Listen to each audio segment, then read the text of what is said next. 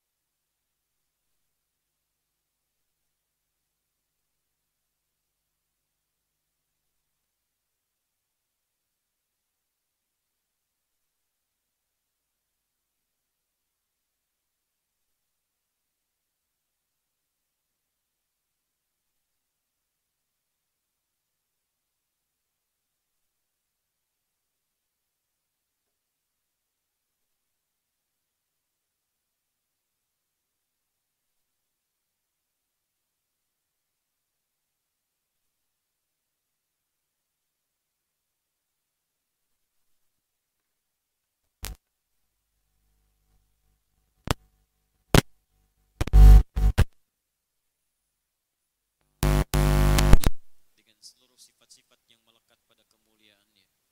Demikian Allah Subhanahu wa taala memuji Rasulullah sallallahu alaihi wasallam dalam Al-Qur'an, "Wa innaka la'ala khuluqin 'azim." Dan sungguh engkau di antara sekian makhluk yang telah aku ciptakan, hanya engkau yang memiliki perilaku yang sangat mulia. Maka semua yang melekat pada Rasulullah sallallahu alaihi wasallam mulia. Sejak dilahirkan, sejak tumbuh balita, sejak menjadi remaja, berubah menjadi pemuda, sampai menjadi seorang suami, seorang ayah, seorang kakek, bahkan dengan sifat kemuliaan paling tinggi yaitu Rasulullah sallallahu alaihi wasallam yang itu pun masih kemudian diistimewakan, disifati dan dimuliakan oleh Allah dalam Al-Qur'an dengan turunnya Quran surah ke-33 Al-Ahzab ayat ke-21. Laqad kana lakum fi Rasulillahi uswatun hasanah karena sempurna keadaan Nabi Muhammad sallallahu alaihi wasallam dengan semua jenjang etape masa pertumbuhan, perkembangan dan kehidupannya, maka kata Allah, beliau adalah sebuah miniatur kemuliaan yang patut dijadikan teladan dalam semua aspek kehidupannya. Sikapnya, sifatnya, semua hal yang melekat kepadanya. Karena itulah kemudian mengikuti semua tuntunan Rasulullah sallallahu alaihi wasallam dijadikan oleh Allah sebagai tanda cinta kepada Allah. Dan ini tidak pernah diberikan kepada nabi-nabi sebelumnya. Hanya turun kemudian kepada Nabi Muhammad sallallahu alaihi wasallam untuk memuliakan segala kemuliaan yang melekat kepada beliau dengan izin Allah Subhanahu wa taala. Maka turunlah kemudian Al-Qur'an surah ketiga Ali Imran ayat ke-31. Qul in kuntum tuhibbunallaha. Nabi diperintahkan. Jadi kalau kata kulnya hilang, orang bisa mengatakan ini Nabi sendiri yang mengatakan. Tapi ketika kata kulnya muncul, kul katakan Muhammad, ini menunjukkan bahwa berita tersebut bukan berasal dari penuturnya tapi diperintahkan ya dari aspek yang lainnya. Seperti Anda ingin menyampaikan sesuatu. Kalau dari diri Anda pribadi, Anda tidak perlu mengatakan, dikatakan kepada saya. Atau katakan, Anda tinggal mengatakan saja. Besok pergi ke Jakarta, lusa pergi ke Sumatera, besoknya lagi pergi ke Papua. Anda bisa katakan demikian. Tapi ketika kalimat yang muncul, katakan besok ke Jakarta. Katakan besok ke Sumatera. Katakan lusa ke Papua. Ini menunjukkan bahwa ada aspek lain, ada pihak lain yang memerintahkan untuk mengatakan itu. Ini menunjukkan sekaligus bahwa firman Allah dalam Al-Quran semua bersumber dari Allah, tidak ada rekayasa Nabi Muhammad SAW. Ini sekaligus menegaskan bahwa pujian yang datang di ayat ini langsung bersumber dari Allah, bukan Nabi sendiri yang membuat-buat pujiannya. Kata Allah, kul katakan Muhammad pada semua manusia, khususnya pada umatmu, yang mereka mengatakan mencintai Allah. In kuntum tuhibbunallaha, jika kalian serius mencintai Allah, fattabi'uni. Maka buktikan cintamu dengan cara mengikuti semua tuntunan-tuntunan yang bersumber dari Nabi Muhammad sallallahu alaihi wasallam. Maka dengan mengikuti semua tuntunan ini, cinta Allah akan dijatuhkan kepada orang itu. Wa yaghfir lakum ketika cinta mulai diturunkan, maka dosa-dosa akan digugurkan oleh Allah Subhanahu wa taala. Nabi Muhammad disebutkan dengan semua kemuliaannya, akhlak dan tampilan fisiknya dipuji, kemudian minta diteladani dan dijadikan sebagai tanda kecintaan untuk kepada Allah Subhanahu wa taala. Cukup tiga itu menegaskan kemuliaan beliau di sisi Allah Subhanahu wa taala.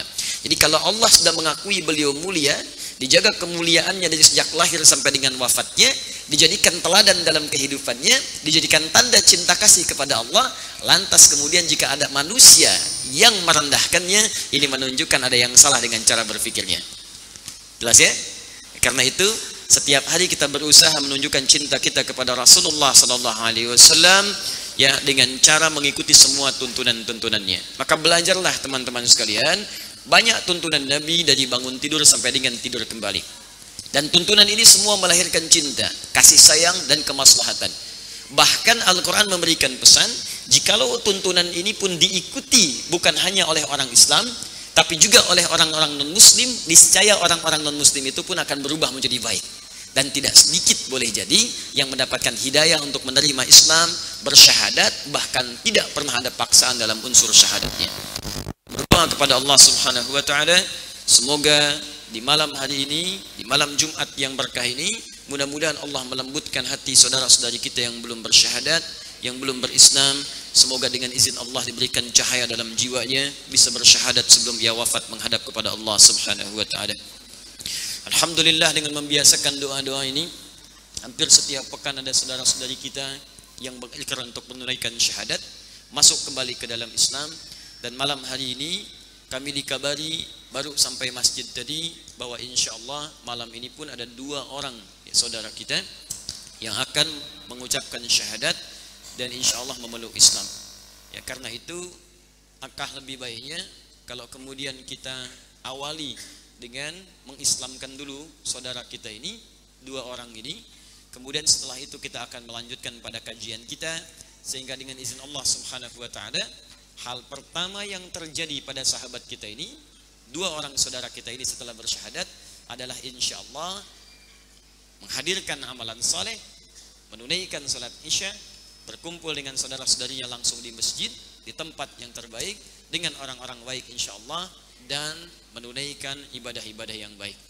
Ya, eh, saya sampaikan kepada teman-teman di official dan juga pihak masjid untuk menyiapkan barangkali ya teman kita sahabat kita yang masuk Islam bisa dibantu barangkali ada eh, apa? Untuk masuk Islam? Oh, bukan. Bangkunya mas. Satu di sini. Baik. Satu lagi. Ya saya di tengah-tengah. Bainahuma barzakhun la yabghiyan. Ah, silakan. Silakan. Bapak yang masuk Islam? Ya silakan di sebelah kanan satu lagi masnya sebelah sebelah kiri ya silakan. Oh baik. Bapak siapa? Nah, boleh disimpan di sini. Oke. Oh, kita coba nyalakan dulu ya.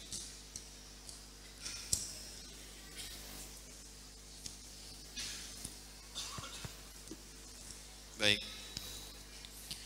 Eh, teman-teman sekalian, alhamdulillah seperti kami sampaikan ada dua saudara kita di hadapan kita semua di samping kanan dan kiri saya. Baik di sebelah kanan saya ada Bapak atau Mas Rioni ya, P Pasoro. Ya, baik ya. P-nya apa? Oh, Marga Palembang. Rioni Palembang Pasoro. Oh, Masya Allah. Baik, laki-laki ya terlihat beliau. Ya ya. Baik tempat tanggal lahir Rantepao ya betul 27 Mei 1982 mohon maaf sebelumnya agamanya apa? Kristen. Baik sekarang? Masih Kristen. Baik ya. Mau masuk Islam. Boleh dipegang mic-nya? Mohon izin ya, saya ingin pastikan dulu dan setiap saat saya tegaskan kalimat ini. Mas Roni juga di samping kiri saya ada Mas Daud ya. Mas Daud Peter Sumampo. Baik ya, panggilannya Daud, Peter atau Daud. Baik. Laki-laki Jakarta 11 Desember ya. Masya Allah 1997 lahir di bulan Desember dan kembali ke fitrahnya di bulan Desember insya Allah mohon maaf dari Kristen juga Kristen e, berkenan untuk masuk Islam ya insya Allah Mas Rioni pertama di Islam itu tidak boleh dipaksa didapatkan di Quran surah kedua Al-Baqarah Bapak Ibu ayat 256 la ikraha fiddin. Tidak boleh ada paksaan di dalam memeluk ad-din. Ad-din di sini yang dimaksud Islam. Quran surah ketiga ayat 19, "Inna dina 'indallahil Islam." Jadi di Islam itu tidak boleh orang masuk Islam itu dipaksa. Ya, baik paksaannya halus, diiming-imingi misalnya, ya, kalau masuk Islam, alhamdulillah dikasih sesuatu. Ya, ada yang iming-imingi? Tidak atau memaksa kasar misalnya diancam kalau tidak masuk Islam nanti pulang-pulang dari sini misalnya awas gitu Tidak, Ada? Ustaz. tidak yakin Yakin. baik satu lagi nih kita pastikan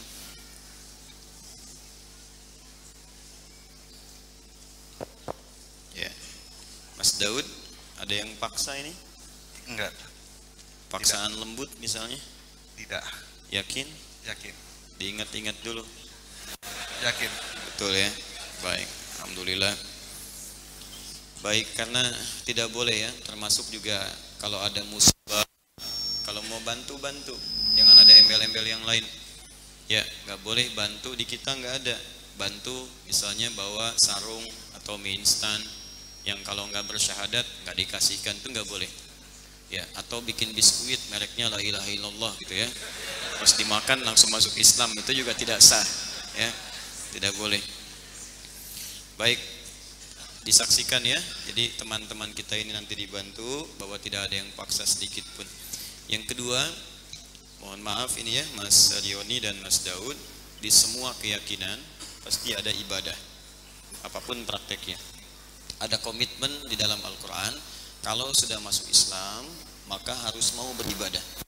Ya, itu ada di kedua ayat 208 tadi imam kita bacakan. Ya ayyuhalladzina amanu dukhulu fis-silmi kafah. Hei orang-orang yang sudah masuk Islam beriman, mesti mau mengerjakan tuntunan ibadah dalam Islam yang dengan ibadah itu akan membimbing kita jadi lebih baik. Ada sholatnya, sudah lihat tadi orang sholat? Sudah Ustaz. Sudah lihat mas? Sudah belajar? Sudah. Sudah belajar sholat? Sudah. Sedikit-sedikit. Baik. Tadi maghrib namanya tiga rakaat. Ya, lama nggak berdirinya? Isya lebih lama. tuh. Ya. Yakin? Nggak pikir-pikir dulu. Enggak. Mas, Ramadan udah taraweh loh. Ini masih mending tiga rakaat. Taraweh bisa sebelas. Bisa lebih. Oh udah tahu ya? Alhamdulillah. Ya. Udah bagus. Nanti taraweh pertama di sini ya. Alhamdulillah. Saya imamin pakai Al-Baqarah ya. Kalau Allah berkehendak. Yakin ya? Yakin Ustaz. Baik. Terakhir, orang tua masih ada. Masih hanya ibu Ibu ada. Ayah sudah meninggal. sudah meninggal. Ibu apa agamanya? Kristen. Kristen. Kalau ini ibu sudah berjilbab ya? Sudah muslimah ya? Sudah. Baik, baik. Baik, ini khusus untuk Mas Yoni juga antum insya Allah untuk kita semua. Ada ketentuan di Quran surah 31 Luqman ayat 14 sampai 15, khususnya di ayat 15-nya. Kata Allah, kalaupun seorang anak masuk Islam dan beda keyakinan dengan orang tuanya. Ya, orang tua tadi masih beragama lain, kemudian anak masuk Islam. Wa in jahadaka ala an tusyrika bi ma laysa laka bihi ilmun fala tuti'huma wa sahibuhuma fid dunya ma'rufa. Ini cuma ada dalam Al-Qur'an. Silakan cek di kitab-kitab atau buku-buku yang Anda duga bagus. Baik, cek. Hanya dalam Al-Qur'an Anda temukan ini. Jika Anda sudah kemudian masuk Islam, ibu keyakinannya beda, tetap jangan putuskan hubungan kekeluargaan dalam konteks dunia. Ya, sayangi ibu. Kalau punya penghasilan, bagi, berikan hadiah. Tetap berbuat baik dalam kehidupan dunia. Kalau dipaksa-paksa ikut kembali ke agama semula, ditolak dengan cara yang lembut. Ya, siap ya? Siap. Baik, mudah-mudahan dengan itu menjadi hidayah untuk ibunda insya Allah. Saya tidak berlama-lama, eh, saya coba bimbing untuk syahadatkan satu persatu ya, Mas Daud ya. Saya mulai dari Mas Rioni. Ustaz. Tolong ikuti saya pelan-pelan saja. Ya. Ya. Jangan dikejar, saya tidak ke mana-mana. Kemudian jangan cepat ya. Iya. Baik, bacakan dari hati supaya lebih bisa merasakan kebaikannya. Ya. Bismillah.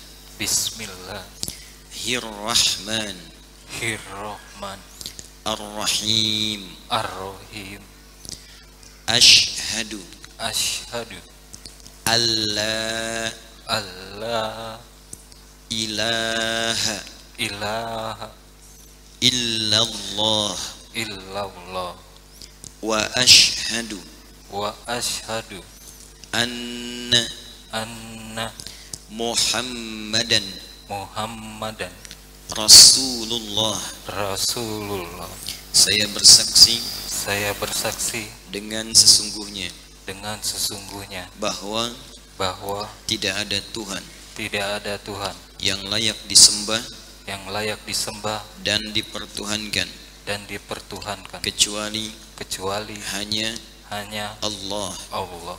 dan dan saya bersaksi saya bersaksi dengan sesungguhnya dengan sesungguhnya bahwa bahwa Nabi Muhammad Nabi Muhammad adalah adalah utusan utusan Allah Allah yang terakhir. yang terakhir. Baik, satu lagi. Bismillahirrahmanirrahim. Bismillahirrahmanirrahim. Ar-Rahim. Ashhadu Ashhadu alla alla ilaha ilaha ilaha illallah illallah wa ashhadu wa ashhadu anna anna Muhammadan Muhammadan Rasulullah. Rasulullah. Saya bersaksi Saya bersaksi dengan sesungguhnya dengan ya. Bahwa bahwa tidak ada Tuhan Ti- tidak ada Tuhan yang layak disembah yang layak disembah dan dipertuhankan yang dan dipertuhankan kecuali kecuali hanya hanya Allah Allah dan dan saya bersaksi saya bersaksi dengan sesungguhnya dengan sesungguhnya bahwa bahwa Nabi Muhammad Nabi Muhammad adalah adalah utusan utusan. Allah Allah yang terakhir. yang terakhir. Alhamdulillahi Rabbil Alamin. Ar-Rahman Ar-Rahim Maliki Yawmiddin Iyaka na'budu wa iyaka nasta'in. Ihdinas siratal mustaqim. Siratal ladzina an'amta 'alaihim ghairil maghdubi 'alaihim waladdallin Allahumma nahmaduka hamdan katsiran hamdan na'imin hamdan yuwafi ni'amahu wa yukafi'u mazidah Ya Rabbana lakal hamdu wa lakal syukru kama yanbaghi li jalali wajhikal karim اللهم صل وسلم وبارك على رسولك الكريم نبينا محمد وعلى آله وصحبه أمته إلى يوم الدين اللهم تقبل يا الله من أخينا ريوني وداود إسلامهما يا رب العالمين Ya Allah kami bermohon kepadamu agar engkau berkenan menerima syahadat dan keislaman dari saudara kami Rioni dan Daud di Arhamar Rahimin Allahumma yassir lahuma hayantahuma aslih lahuma ya Allah hayantahuma Ya Allah mudahkan jalan hidup bagi keduanya Anugerahkan bimbinganmu ya Allah kepada keduanya dan perbaiki kehidupan keduanya supaya lebih mendapatkan ridha dan maghfirahmu ya Rabbal Alamin. Allahumma ya Arhamar Rahimin hadaita ya Rabbal Alamin di akhina Rioni Allahumma fahdi ummahu ya Rabbal Alamin. Ya Allah sebagaimana engkau telah berikan kepada hidayah saudara kami hidayah Rioni anugerahkan pula hidayah serupa kepada ibundanya ya Allah ya Rabbal Alamin. Ihdiha ilal Islam qabla wafatiha Allahumma ya Allah mantapkan hatinya untuk bersyahadat sebelum ia wafat Anugerahkan kekuatan kepada beliau ya Allah Untuk bisa berkumpul dengan anaknya Dengan orang-orang beriman kepadamu Allahumma alhiqna ma'ahuma ya rabbal alamin Ya Allah himpun kami semuanya yang ada di sini ya Allah Atau yang jauh dari tempat ini Dengan rahmat yang kau berikan kepada kedua hambamu ini ya rabbal alamin Rabbana atina fid dunya hasanah في الآخرة حسنة وقنا عذاب النار بفضلك سبحان ربك رب العزة عما يصفون والسلام على المرسلين وآخر دعوانا أن الحمد لله رب العالمين الحمد لله Sirioni sudah Islam Sudah, sudah Islam sudah. baik berarti Islamnya sudahan Ya. Ah, sedang Islam ya sekarang Alhamdulillah jadi sekarang sedang Muslim Mas Daud ya Ya, sudah Ustaz. Nah, tolong jaga baik-baik ya. Dipertahankan nilai keislaman. Satu lagi ingat kalau sudah masuk Islam tidak boleh keluar. Iya. Ya. Di dunia ini pintu yang hanya boleh masuk dan nggak bisa keluar cuman Islam. Yang lain keluar. Anda masuk masjid, ada keluar masjid. Karena itu ada doa masuk, doa keluar. Masuk toilet, keluar toilet. Nggak bisa di toilet, nggak keluar-keluar itu kan. Harus keluar. Masuk rumah, keluar rumah. Tapi masuk Islam, pintunya nggak ada pintu keluar. Ya. Jadi tolong diingat baik-baik ya. Iya. Dan tolong ditampilkan ciri khas muslim yang baik. Orang Islam berkata baik, berbuat yang baik, bekerja, Mas Doni, Usah. kerja, usaha. Mas Daud juga bekerja. Bekerja. Tolong tunjukkan ciri Islam yang baik ya. Jujur di pekerjaan, tidak boleh menipu. Ya, yang giat, disiplin. Kalau ditanya kamu kok berubah jadi jujur begini, jadi disiplin begini, sampaikan Islam yang mendorong saya untuk seperti ini. Jelas ya? Baik, semoga Allah berikan kemuliaan. Tidak ada yang lain lagi di dalam eh, prosesi syahadat. Hanya itu saja. Nanti akan dibantu diberikan surat keterangan Iya, agar nanti ada hal-hal lain yang ingin disesuaikan.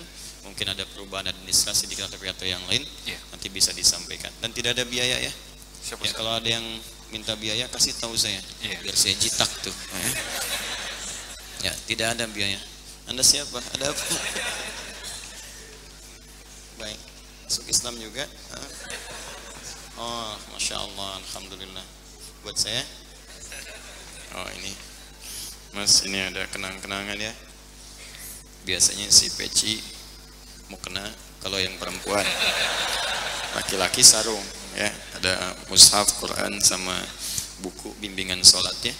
Pelan-pelan dibaca. Kalau kurang jelas kira-kira, tanyakan sama ini nih.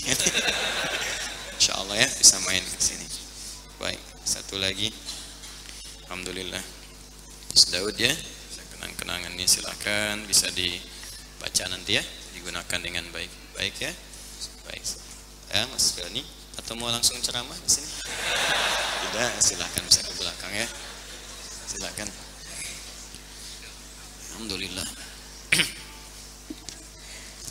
Ah. Ini Mas daftarnya nanti dicari-cari. Baik. Ini yang ketiga. Alhamdulillah. Baik, Bapak Ibu sekalian dan pemirsa di mana pun Anda berada, kita akan lanjutkan pada bahasan kajian kita. Ini adalah penutup insya Allah dalam kajian tafsir Al-Quran di bagian pertama pembahasan surah Al-Fatihah. Dengan izin Allah saya akan berusaha menyempurnakan surah Al-Fatihah bagian terakhir di pertemuan ini sekaligus penutup tahun insya Allah ya nanti kita akan coba maksimalkan di tahun depan dengan memasuki surah yang baru yaitu surah Al-Baqarah. Ya kita akan sempurnakan. Nanti sisanya untuk pekan-pekan berikutnya di bulan ini sebelum tahun berganti saya akan coba membahas tentang persoalan fikihnya masalah fikih apa saja yang melekat pada Al-Fatihah. Dari bismillah sampai amin. Ya amin tuh kalimat untuk jawabannya. Al-fatihahnya sampai waladhdallin ya. Jadi sampai waladhdallin di situ ada masalah fikih apa? Sampai ke amin seperti apa? Apakah amin dibaca panjang? Amin. Ya? Atau a-nya yang panjang minnya pendek? Atau a-nya pendek minnya panjang? Nanti insya Allah saya akan eh, hadirkan beberapa kitab. Ini sebagian saya bawa. Nanti akan diperkenalkan. Ini kitab yang ini kitab yang ini kitab yang ini. Sampai kita terbiasa kemudian mengkaji sesuatu dengan referensi yang jelas sehingga ketika mengamalkan ada ketenangan dan kekhusyuan bagi kita untuk mengamalkannya. Bismillahirrahmanirrahim. Kita masuk pada bagian yang terakhir. Masih di surah Al-Baqarah di surah Al-Fatihah pada ayat yang terakhir siratal ladzina an'amta alaihim ghairil maghdubi alaihim waladdallin.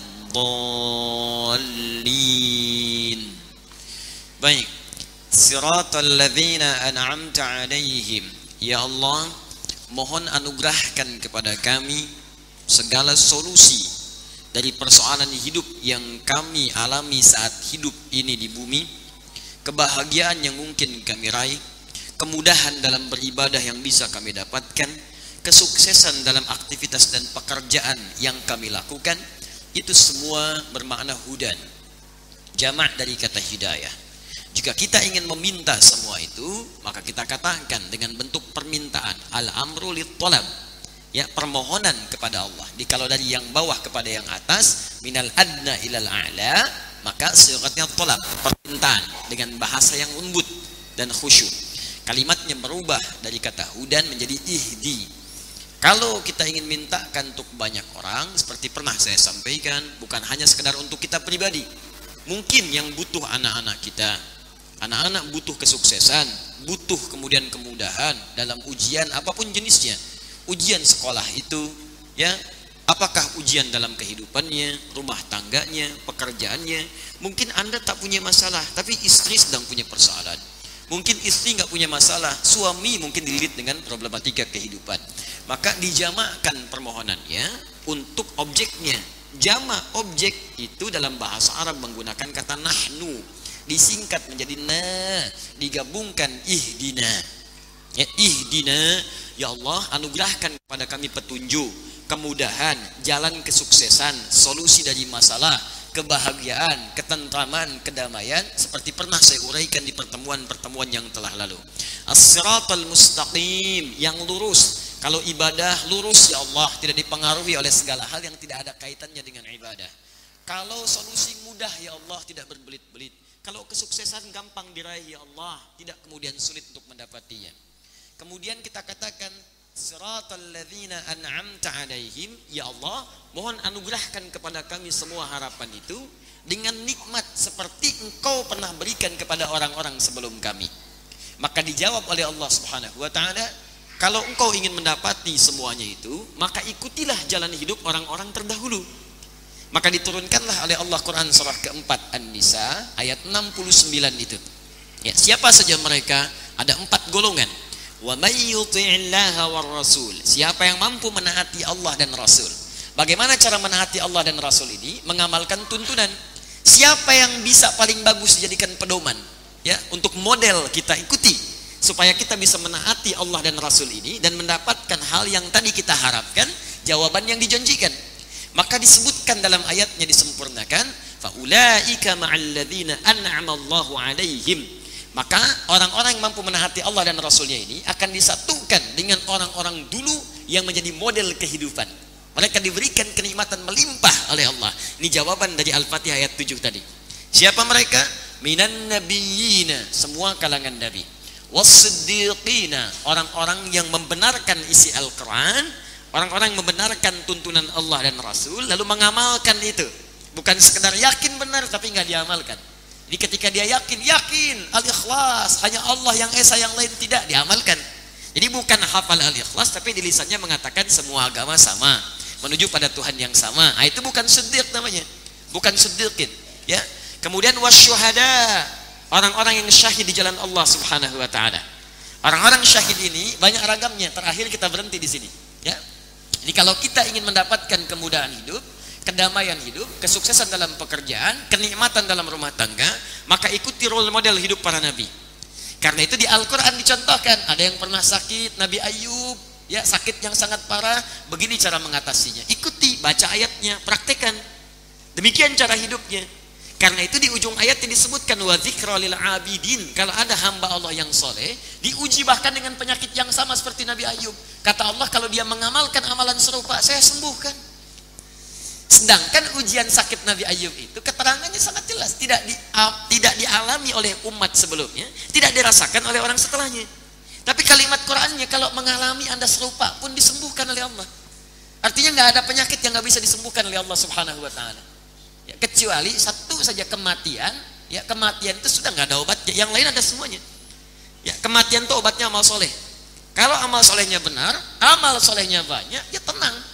Wafatnya pun nggak terasa saking tenangnya ditampakkan pahala-pahalanya jadi nggak kerasa jadi dia sedang lihat pahala aja sedang lihat kenikmatan nggak kerasa nyawanya sudah keluar makanya panggilan untuk orang soleh itu panggilannya panggilan jiwanya bukan panggilan orangnya panggilan jiwanya karena nggak terasa jiwa sudah keluar tenang. Jadi lagi senyum tiba-tiba nyawa udah nggak ada. Ya. Lagi gembira nyawanya hilang. Tinggal keringat ya di keningnya. Ya, ada yang sedang sujud ada yang baca Quran. Lagi sedang menikmati keadaan nilainya hilang kemudian jiwanya. Itu yang disebutkan di Quran surah ke 89 ayat 27 sampai 30 itu. Ya ayat Tuhan nafsul mutmainnah hei jiwa yang sedang tenang. Jiwa yang nyaman gitu. Jiwa itu tenang tampakkan pahala tampakkan surganya tampakkan janji Allahnya. Irji'i ila rabbiki radiyatan mardiyah. Ayo cepat pulang kepada Rabbu aku ridha dengan semua amalmu. Engkau pun akan ridha dengan pemberianku. Belum selesai ayatnya. Fadkhuli fi ibadi wadkhuli jannati. Kamu masuk dalam golongan hambaku yang saleh.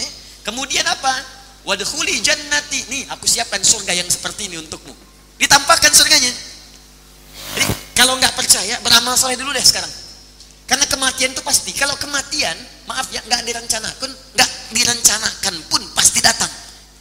Gak usah direncanakan. Rencana ingin meninggal, meninggal juga. Jadi kematian datang tidak dengan rencana, tapi kepastian yang pasti akan terjadi.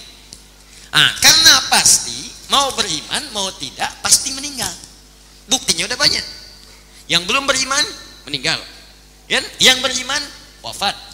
Nah sekarang pertanyaannya kan masa-masa wafat nggak ada ruginya kita beramal soleh, nggak ada ruginya. Nanti pembuktiannya setelah wafat akan kelihatan atau saat akan wafat akan tampak. Benarkah kemudian ajaran Islam? Lihat, kan kita sama-sama meninggal. Nah, jangan takut, gak usah takut beramal soleh aja. Kalau takut meninggal berarti amal solehnya kurang, banyak amal salahnya. Sebab orang beramal soleh itu tenang, nggak takut dengan mati. Wafat ya wafat, kan semuanya akan wafat. Anda mau takut mau tidak wafat juga. Tapi kalau jiwa Anda khawatir wafat, berarti masih banyak salahnya. Ada maksiat yang harus dihilangkan dengan taat. Ada salah yang harus ditutup dengan saleh. Jadi datangkan yang solehnya sehingga memberikan ketentraman pada jiwa. Mau meninggal kapan pun terserah Allah.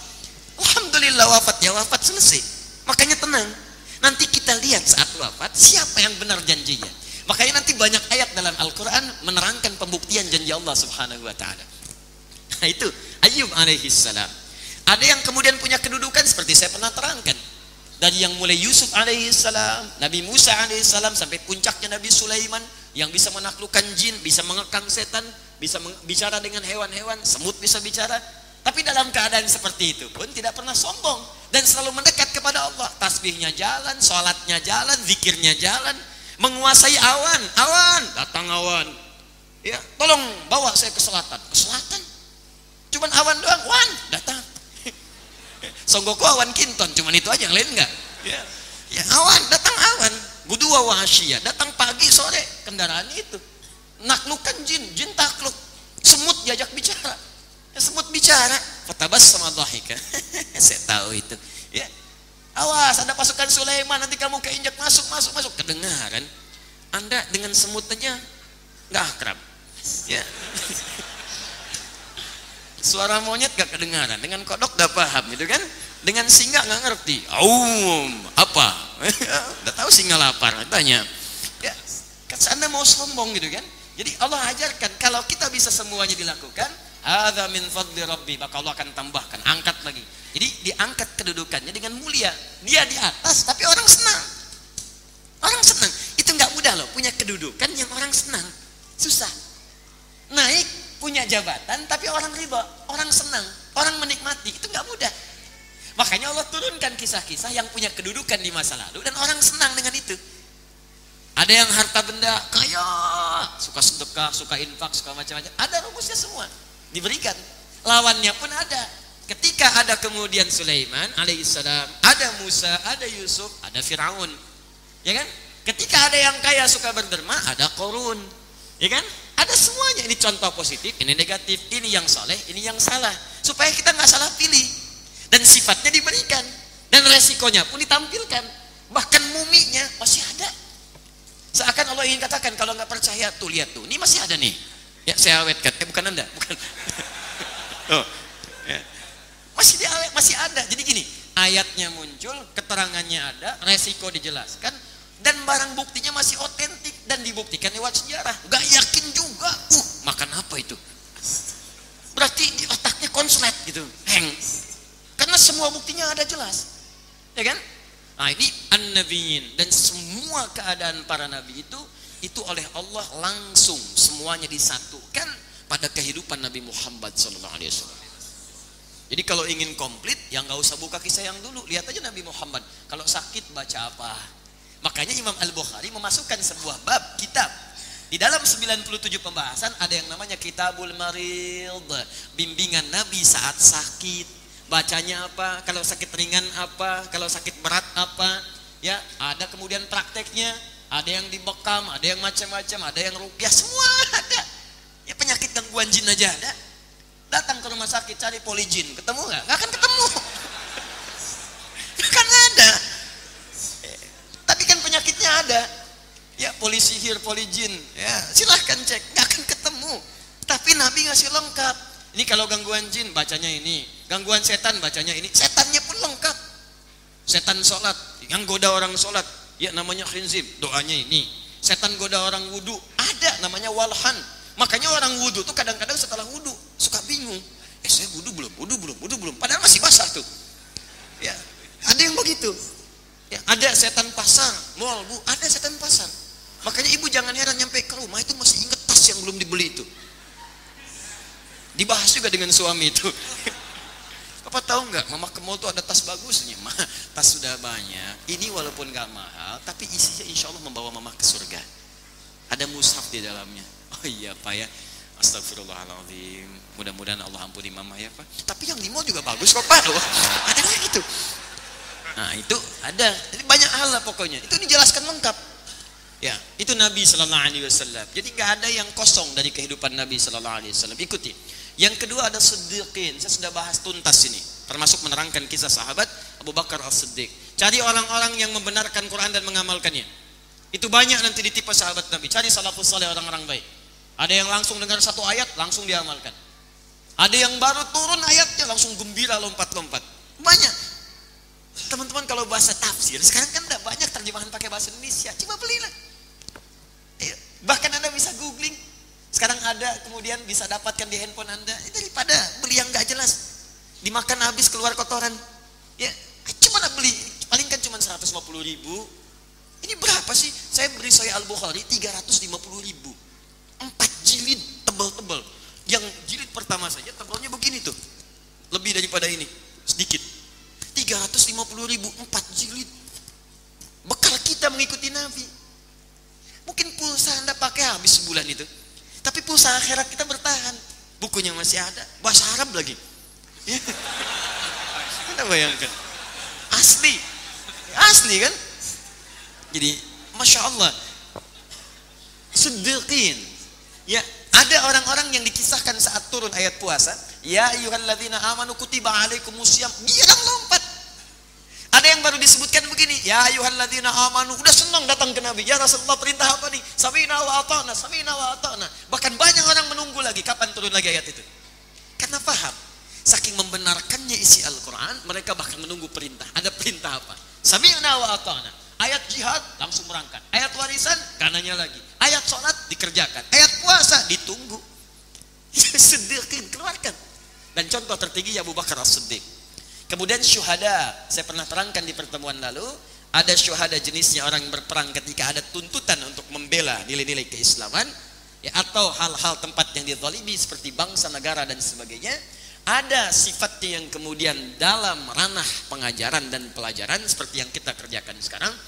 Ada juga kemudian tiga atau empat keadaan lain yang masuk dalam kategori jihad dan yang terakhir solihin. Apa kategori ini? Siapa kemudian golongan solihin itu?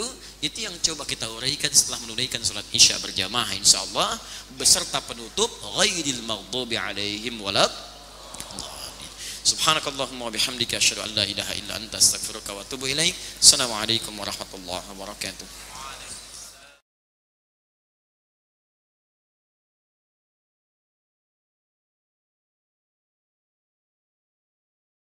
Besar negara sahabat dan di situ akan diajarkan rahasia bagaimana menghafal cepat Quran 30 juz dalam 30 hari. Dan Anda bisa hafalkan di rumah, dihafalkan di kantor, dihafalkan di jalan. Kalau konsisten, insya Allah 30 hari bisa hafal Quran 30 juz. Ya, kalau Anda ada kesempatan, silakan hadir. Itu hanya sekali dalam setahun momennya. Sekali dalam setahun, ya. Insya Allah kita bertemu. Sebelum sampai ke sana, kenali dulu, teman-teman, hal-hal yang halal yang disampaikan di sekitaran kita ini.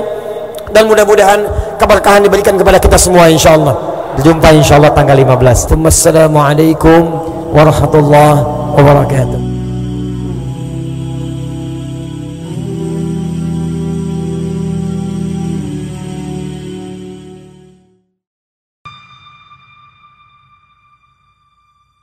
Tapi ada satu yang paling dahsyat.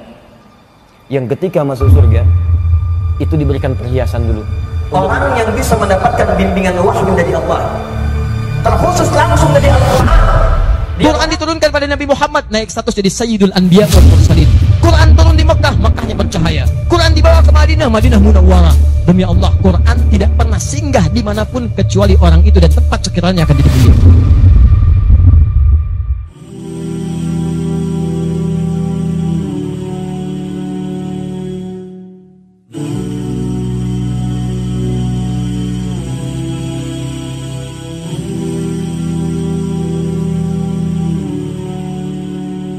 Di dunia ahli Quran itu kemuliaan Qurannya akan merembet pada sekitarannya. Silahkan cek kalau nggak percaya.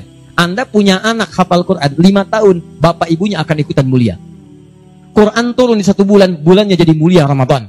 Quran turun di satu malam, malamnya jadi mulia Lailatul Qadar. Quran turun di satu hari, harinya jadi mulia hari Jumat. Quran turun di bawah malaikat Jibril, Jibrilnya jadi menjadi mulia.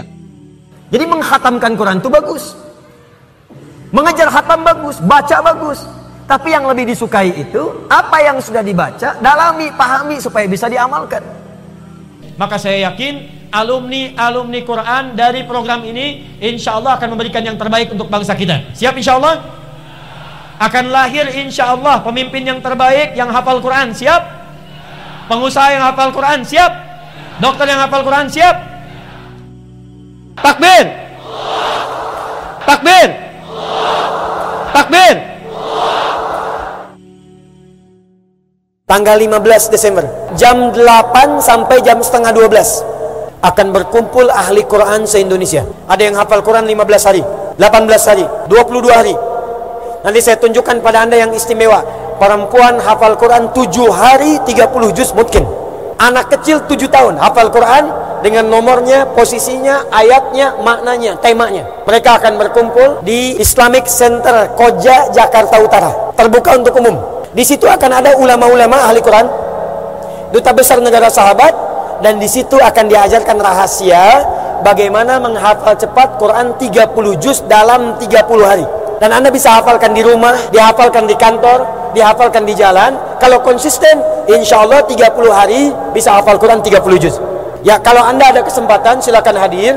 Itu hanya sekali dalam setahun momennya. Sekali dalam setahun, ya.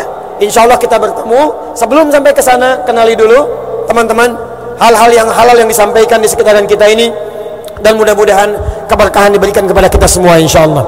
Jumpa insya Allah tanggal 15. Wassalamualaikum warahmatullahi wabarakatuh.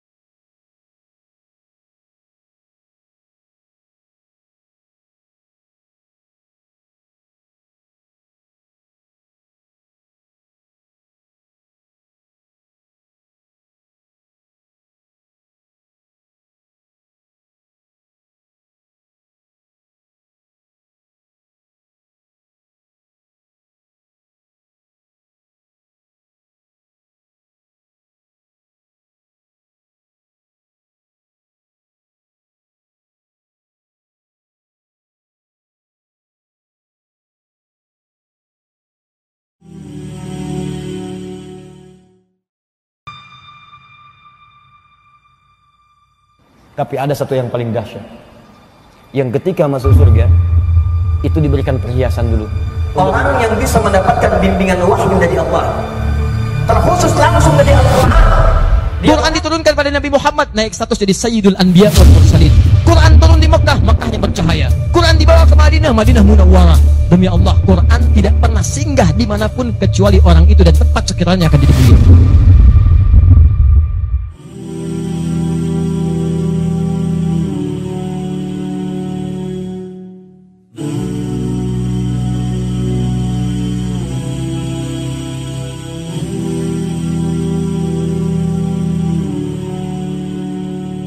Dunia ahli Quran itu kemuliaan Qurannya akan merembet pada sekitarannya. Silahkan cek kalau nggak percaya. Anda punya anak hafal Quran lima tahun, bapak ibunya akan ikutan mulia. Quran turun di satu bulan, bulannya jadi mulia Ramadan. Quran turun di satu malam, malam jadi mulia Lailatul Qadar. Quran turun di satu hari, harinya jadi mulia hari Jumat. Quran turun di bawah malaikat Jibril, Jibrilnya jadi menjadi mulia. Jadi menghatamkan Quran itu bagus. Mengejar hatam bagus, baca bagus. Tapi yang lebih disukai itu apa yang sudah dibaca, dalami, pahami supaya bisa diamalkan. Maka saya yakin alumni alumni Quran dari program ini insya Allah akan memberikan yang terbaik untuk bangsa kita. Siap insya Allah? Akan lahir insya Allah pemimpin yang terbaik yang hafal Quran. Siap? Pengusaha yang hafal Quran. Siap? Dokter yang hafal Quran. Siap? Takbir! Takbir! Takbir! Tanggal 15 Desember Jam 8 sampai jam setengah 12 Akan berkumpul ahli Quran se-Indonesia. Ada yang hafal Quran 15 hari 18 hari 22 hari. Nanti saya tunjukkan pada anda yang istimewa. Perempuan hafal Quran 7 hari 30 juz mungkin Anak kecil 7 tahun hafal Quran Dengan nomornya, posisinya, ayatnya, maknanya, temanya. Mereka akan berkumpul di Islamic Center Koja, Jakarta Utara. Terbuka untuk umum di situ akan ada ulama-ulama ahli Quran, duta besar negara sahabat, dan di situ akan diajarkan rahasia bagaimana menghafal cepat Quran 30 juz dalam 30 hari. Dan Anda bisa hafalkan di rumah, dihafalkan di kantor, dihafalkan di jalan. Kalau konsisten, insya Allah 30 hari bisa hafal Quran 30 juz. Ya, kalau Anda ada kesempatan, silakan hadir. Itu hanya sekali dalam setahun momennya. Sekali dalam setahun, ya. Insya Allah kita bertemu. Sebelum sampai ke sana, kenali dulu teman-teman hal-hal yang halal yang disampaikan di sekitaran kita ini dan mudah-mudahan keberkahan diberikan kepada kita semua insya Allah. Berjumpa insya Allah tanggal 15. Wassalamualaikum warahmatullahi wabarakatuh.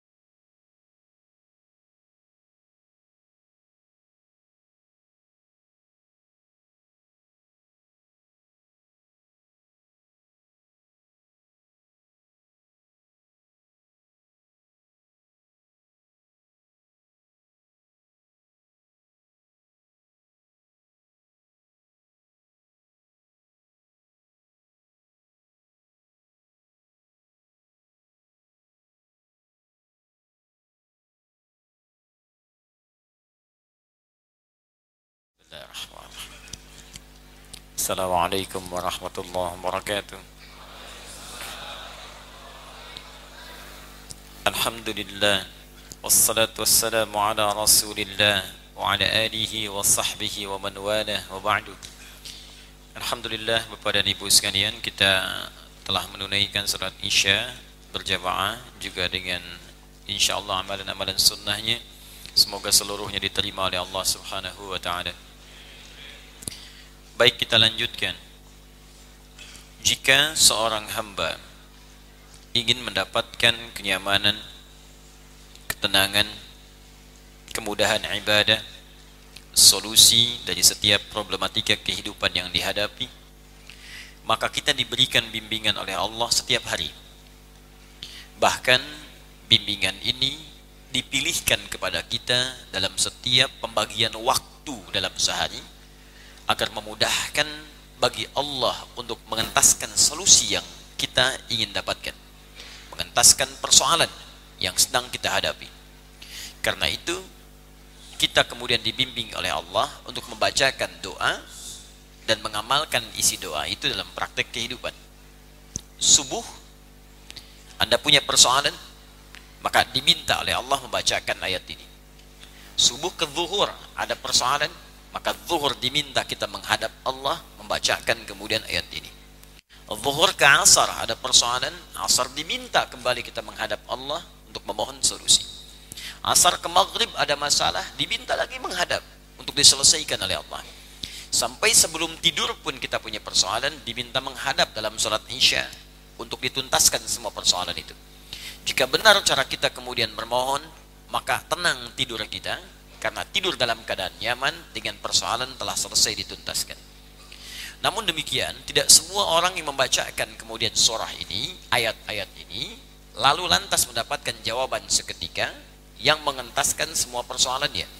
Karena ternyata jawaban itu diikat dengan ketentuan-ketentuan untuk mengamalkan isi dari bacaan yang kita bacaan itu. Bacaan itulah Al-Fatihah terdiri dari tujuh ayat dan di ayat yang terakhir kita diminta kemudian untuk mengikut role model dalam kehidupan dengan empat golongan utama kalau ingin kemudian apa yang kita mintakan dijawab oleh Allah Subhanahu wa taala. Ada kalangan para nabi satu telah saya bahas. Kedua golongan siddiqin telah saya uraikan. Ketiga golongan syuhada baru sebagian saya sampaikan. Saya ingin ingatkan kembali, syuhada ini dibagi kepada tiga golongan. Dua dibenarkan, satu diingkari dua dibenarkan, satu diingkari. Golongan pertama disebut dengan syahidud dunya wal akhirah. Syuhada masuk dalam kategori syahid dunia dan akhirat. Jadi di dunia orang menyebutnya dengan syahid. Syahid, wafat syahid, syahid di akhirat pun statusnya syahid. Yang kedua, syahidul akhirah dunad dunya di akhirat mendapatkan status syahid, tapi di dunia umumnya tidak disebut dengan syahid. Taunya meninggal saja. Tapi statusnya di sisi Allah syahid. Ya, jika dia syaratnya beriman, beramal soleh. Baik. Yang ketiga, syahid dunia dunal akhirah. Di dunia nampak syahid, tapi di akhirat diingkari oleh Allah status syahidnya. Jadi ini yang saya katakan dua diakui, satu dicoret yang dicoret ini banyak kemudian dalilnya. Bahkan kalau kita mengaji yang paling mudah dari Riyadus Salihin dari 1896 hadis itu ada di bab pertama. Ya babul ikhlas wa ihdarun niyyah. Bab tentang keikhlasan dan menghadirkan niat dalam setiap perkataan dan perbuatan kita. Pernah ditanyakan kepada Nabi Shallallahu Alaihi Wasallam an rajulin? tentang kisah seorang lelaki. Kemudian dia berjuang apa motivasinya? Yang satu berjuang karena ingin populer disebut sebagai pejuang, pahlawan. Yang satu berjuang untuk disebut sebagai orang yang membela hanya kaumnya saja. Ya, fanatisme kaum, kesukuan. Ini agak mirip-mirip dengan yang pertama, ingin diagungkan. Satu ingin populer, ya, ingin disebut syahid, ya, ingin disebut pejuang, orang hebat berjuang. Yang kedua, hanya berniat untuk kaumnya saja. Yang penting kelompok saya ini bisa dibela. Maka ketika ditanyakan kepada Nabi sallallahu alaihi wasallam, ayyuhuma fi sabilillah? Mana di antara kemudian yang dua itu yang termasuk fi sabilillah, yang syahid di jalan Allah? Apa jawaban Nabi?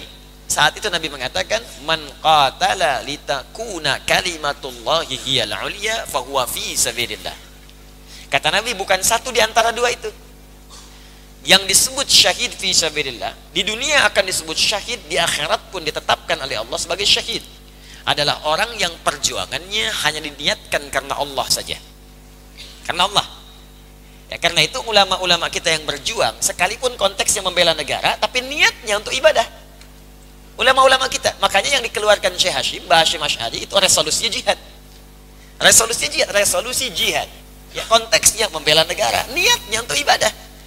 Makanya saya, saya sering katakan, orang Islam itu pasti akan banyak manfaat dari keislamannya. Jadi ketika dia berislam, akan ada berdampak bagi lingkungannya. Orang Islam baik, orang Islam berbagi, ada ajaran menanam pohon, ada ajaran berbagi infak, ajaran toleransi, ajaran membela negara, ada semua. Jadi kalau kemudian jadi muslim di satu tempat, pasti manfaatnya akan banyak kepada lingkungannya. Itu poinnya. Ya makanya kita kenal Pangeran Diponegoro, pahlawan nasional kan?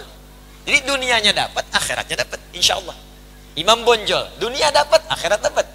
Ya, pahlawan nasional. Tapi niat yang membedakan. Ah, karena itu orang-orang yang berjuang seperti ini dunianya kemudian disebut dengan syahid, akhiratnya disebut dengan syahid. Hamzah paman Nabi radhiyallahu taala anhu sangat populer. Syahid dunia, syahidus syuhada, akhiratnya pun syahid. Jelas? Yang ditolak oleh Allah melalui lisan Rasulullah tadi yang dua. Berjuang untuk popularitas. Ya, berangkat, berjuang, jihad. Tapi kemudian apa? Awas hati-hati. Hati-hati dia niatkan hanya untuk cari popularitas. Dia niatkan kemudian, mohon maaf, hanya untuk membela sebuah komunitas. Tapi ada yang tidak pernah terjadi di masa Nabi. Tapi diprediksikan oleh Nabi terjadi di masa depan. Dan sekarang kejadian. Adalah orang-orang yang tiba-tiba datang dengan sebuah ajaran yang akan mengagetkan. Jangankan kata Nabi, orang di masa itu. Orang masa lalu pun kalau dengar itu ikutan kaget. Ini ada paham-paham ekstrim di kemudian hari. Apa di antaranya? Ini sudah diprediksi oleh Nabi SAW. Ada ajaran-ajaran yang menyesatkan. Ya, yang kalau didengar oleh orang sekarang, ya, kata Nabi orang masa depan akan kaget. Orang dulu pun ikutan kaget. Ini terbagi dua. Satu ada ajaran, dua tindakan. Apa yang dimaksud ajaran? Nah, misal, tidak semuanya ajaran kelihatan ekstrim. Ya, tidak semua ajaran kelihatan ekstrim. Tapi dari kata-kata seakan-akan benar padahal keliru. Semua agama itu sama.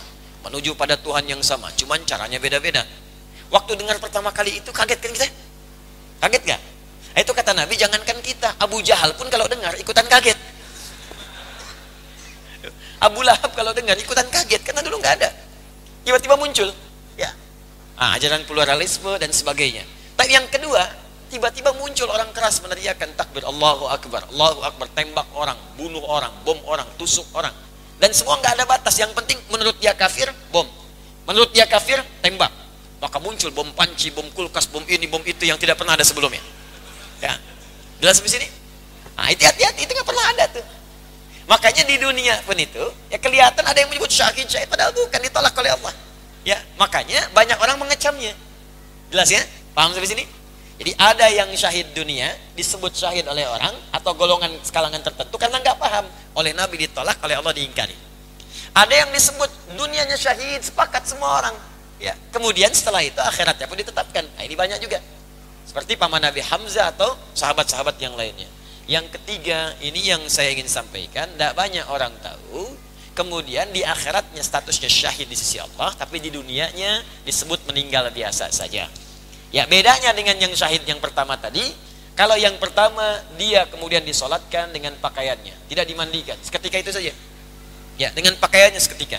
Kalau yang ini tetap disolatkan, tetap dimandikan, kafannya sama dengan yang lainnya, ya kemudian dikerjakan semua sunnah-sunnahnya sampai dengan masuk ke liang lahatnya sampai didoakannya selesai.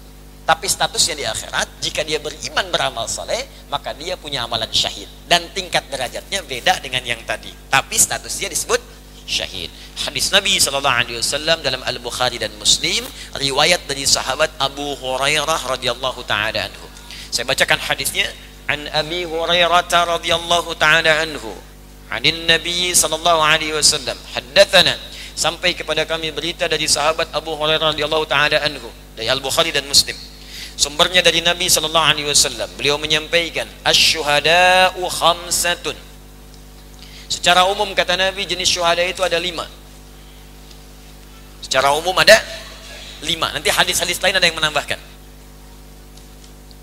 Satu al-mat'unu.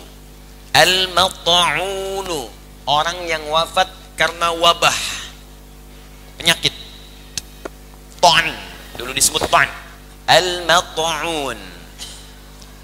Bismillah. Ya.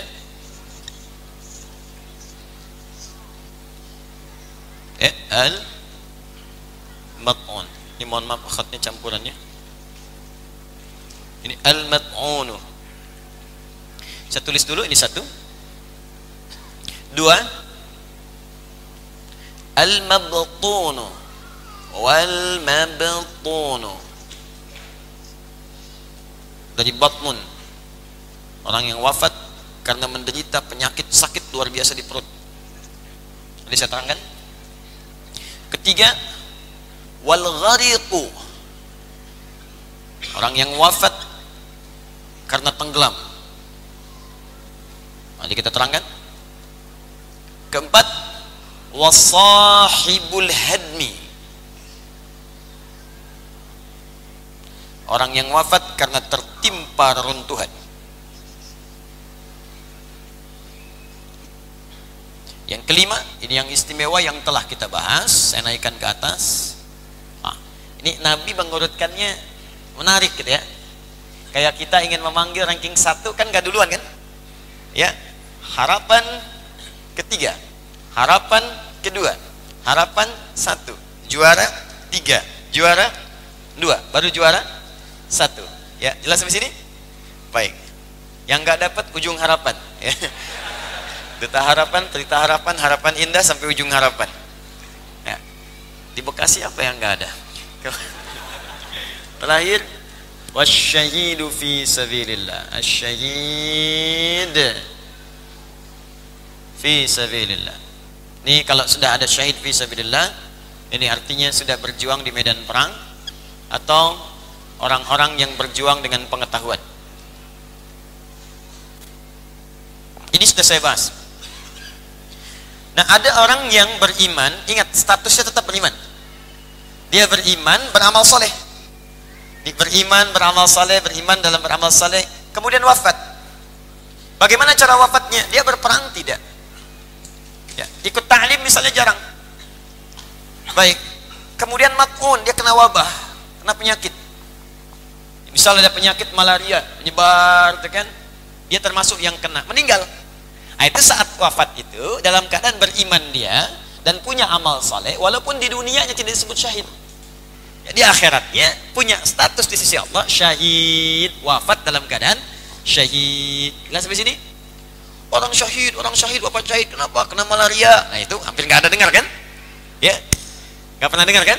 Nah jadi orang yang kena wabah kemudian dia meninggal pada saat terkena itu dan berjuang dia kemudian mengatasi penyakitnya tak mampu dia kena wabah wafat di situ dalam keadaan beriman dan beramal saleh. Di dunianya tidak disebut syahid tapi dia saat pulang kepada Allah itu punya amalan apa? Syahid. Jelas di sini? Baik. Tentunya derajat syahidnya beda dengan yang pertama tadi. Lain tingkatannya. Jadi masih unggul yang berjuang di medan perang kalau ada tuntutan. Masih unggul yang berjuang di majlis ilmu Ya kalau nggak ada tuntutan itu nggak ada tuntutan bela negara, nggak ada tuntutan misalnya bela-bela tertentu untuk keimanan kepada Allah, tidak ada itu. Ke medan perang nggak ada. Maka tingkat pertamanya yang menduduki adalah majlis ta'lim. Majlis ilmu yang pernah saya terangkan dulu. Makanya kalau dalam sepekan itu ada tawaran mengaji di majlis ilmu, jangan ditinggalkan Pak, Bu. Silahkan dibagi antara dunia dengan akhirat. Ya, silahkan dibagi. Di antum punya jadwal di dalam sepekan masa dunia terus kan mau wafat juga pulang ke akhirat. Gimana kalau pulang nggak punya bekal? Disiapkan minimal mudah-mudahan saat wafat misalnya sedang menulis meninggal, ya kan? Ya sedang memahami meninggal, sedang tobat meninggal. Allahu akbar. Di begitu mendengar saya tobat ya Allah. Bagaimana kalau saya wafat tobat menangis dia tanpa orang harus tahu keluar air matanya. Begitu keluar meninggal. Ah, subhanallah. Itu indah gitu. Ada yang mencatat, ada bahkan yang masih di jalan, Pak. Ada itu. Itu statusnya tinggi. Bahkan kalau dia pelaku maksiat pun, Allahu Akbar, pelaku maksiat ingin taubat mau datang ke majlis ilmu, tengah jalan meninggal, belum sampai ke majlis ilmu. Itu diterima taubatnya. Dan bisa menggugurkan semua kesalahannya, plus dapat ilmu di situ, dapat langkah, baru langkah aja, dapat langkah, itu bisa menutup semua kesalahannya dengan taubatnya dan punya amalan baru, surga baginya. Apa nggak pernah anda mendengar kisah seorang bertobat kemudian dikisahkan oleh Nabi Sallallahu Alaihi Wasallam? Disampaikan pergilah engkau kepada si fulan di majlisnya. Bergerak di jalan dia kemudian beristighfar kepada Allah mengingat dosa ya Allah saya banyak dosa. Saya ingin tobat ya Allah. Ditunjukkan tobatnya ke majlis sana sana, dibimbing. Ini juga sunnah bagi para ustadz. Kalau ada orang dengan spesifikasi tertentu datang dan tidak ada ilmu pada anda, jangan dipaksakan. Arahkan kepada ustadz lain. Mungkin itu bermanfaat bagi orang itu. Karena itu saling menyempurnakan. Ada yang ingin kajian sirah datang ke Ustadz Fulan. Anda ingin belajar sirah datang, datangi Ustadz Budi Azari. Datangi Ustadz Khalid Basalama. Belajar, belajar, dapatkan kenikmatannya. Ingin belajar tafsir, datangi si Fulan. Belajar hadis, datangi si Fulan. Silahkan, bagi. Jangan paksakan kita sendiri. Jangan katakan Anda benar, yang lain salah.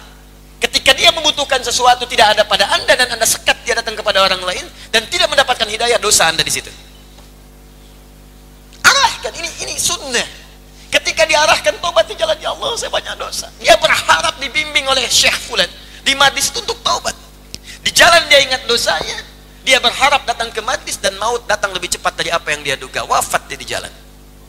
Begitu wafat kemudian Allah memberikan perintah kepada malaikat untuk menerima kemudian taubatnya mencatat dia sebagai bagian ahli surga. Bahkan dari riwayat mengatakan hampir-hampir dijemput dia oleh malaikat kemudian ahli neraka untuk dicatat semua keburukan-keburukan disiapkannya tapi ketika diukur langkahnya lebih dekat kemudian ke majlisnya. Sangat populer riwayat itu. Dan sangat viral di kalangan ahli ilmu. Pelaku maksiat banyak maksiat di tengah jalan ke majlis ilmu tobat meninggal bisa masuk surga. Antum sudah datang ke majlisnya duduk di rumah Allah sudah belajar masa nggak bisa mengantarkan ke surga kalau ada yang tidak bisa mengantarkan itu berarti antumnya yang nggak tobat antum yang nggak berubah Cuma numpang datang doang, cuma dengar tapi nggak merubah diri. Untuk apa? Jadi kalau orang di jalan belum sampai bisa taubat dan bisa berpeluang ke surga, Anda datang ke sini sudah duduk belajar, tidak merubah diri Anda, lantas dengan cara apa lagi Allah bisa memasukkan Anda ke dalam surga? Akhirnya rubah diri kita. Karena itu saya selalu objektif menyampaikan, kalau apa yang saya sampaikan tidak menambah kedekatan Anda dengan Allah dan tidak merubah diri Anda berubah menjadi baik, tinggalkan saya dan cari majlis lain. Cari ustadz lain. Itu kebenaran. Itu janji. Karena itu turunlah kemudian satu surah dalam satu ayat An-Nisa yang ayat 100 itu sampai 101 paling kiri sebelah bawah di mushaf. Ya. Indah sekali kalimatnya. Wa may di pertengahan ayatnya. Awal ayatnya wa may fi sabilillah yajid fil ardi muragaman katsira wasa. Siapa yang memutuskan dirinya berhijrah jadi lebih baik Hijrah itu berpindah pada keadaan yang mendekatkan diri kita dengan Allah. Ya, tadinya bekerja susah sholat, sekarang pindah pekerjaan yang memudahkan sholat. Tidak harus pindah tempat. Kalau Anda tinggal misalnya di samping masjid, Anda jarang ke masjid. Sulit melangkah ke masjid, ingin merubah keadaan, masjidnya sudah ada. Motor ada, sepeda ada, mobil ada, pengen berubah sekarang. Melihat orang datang ke masjid dari jauh, masa saya yang dekat gak ke masjid? dengar suara adzan jadi berubah tersentuh jiwanya datang ke masjid itulah hijrah ada keadaan yang tinggal di situ masjid nggak ada talim nggak ada suasana nggak menyenangkan tidak ada yang menenangkan kepada jiwa anda putuskan pindah tempat kepada rumah yang dekat dengan masjid dekat dengan kajian dekat dengan orang-orang baik itu juga hijrah namanya.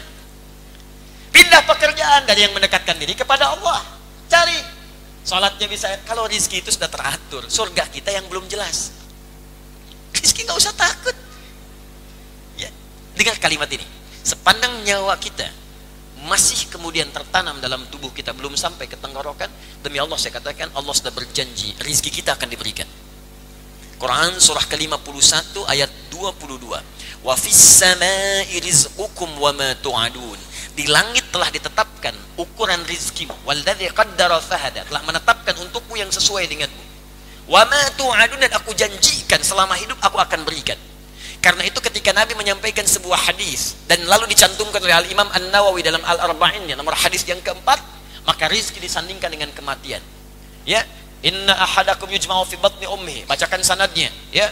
An Abi Abdurrahman, an Abi Abdurrahman, eh, Abdullah bin Mas'udin radhiyallahu taala anhu, anin Nabi sallallahu alaihi wasallam wa huwa sadiqul masduq. قال قال رسول الله صلى الله عليه وسلم إن أحدكم يجمع في بطن أمه أربعين يوما نطفة ثم يكون مثل ذلك علقة ثم يكون مثل ذلك مضغة فيرسل إليه الملك ya fayu'maru bikatbi arba'in fayanfukhu fihi ruh wa yu'maru bikatbi arba'in bikatbi rizqihi wa ajalihi ya.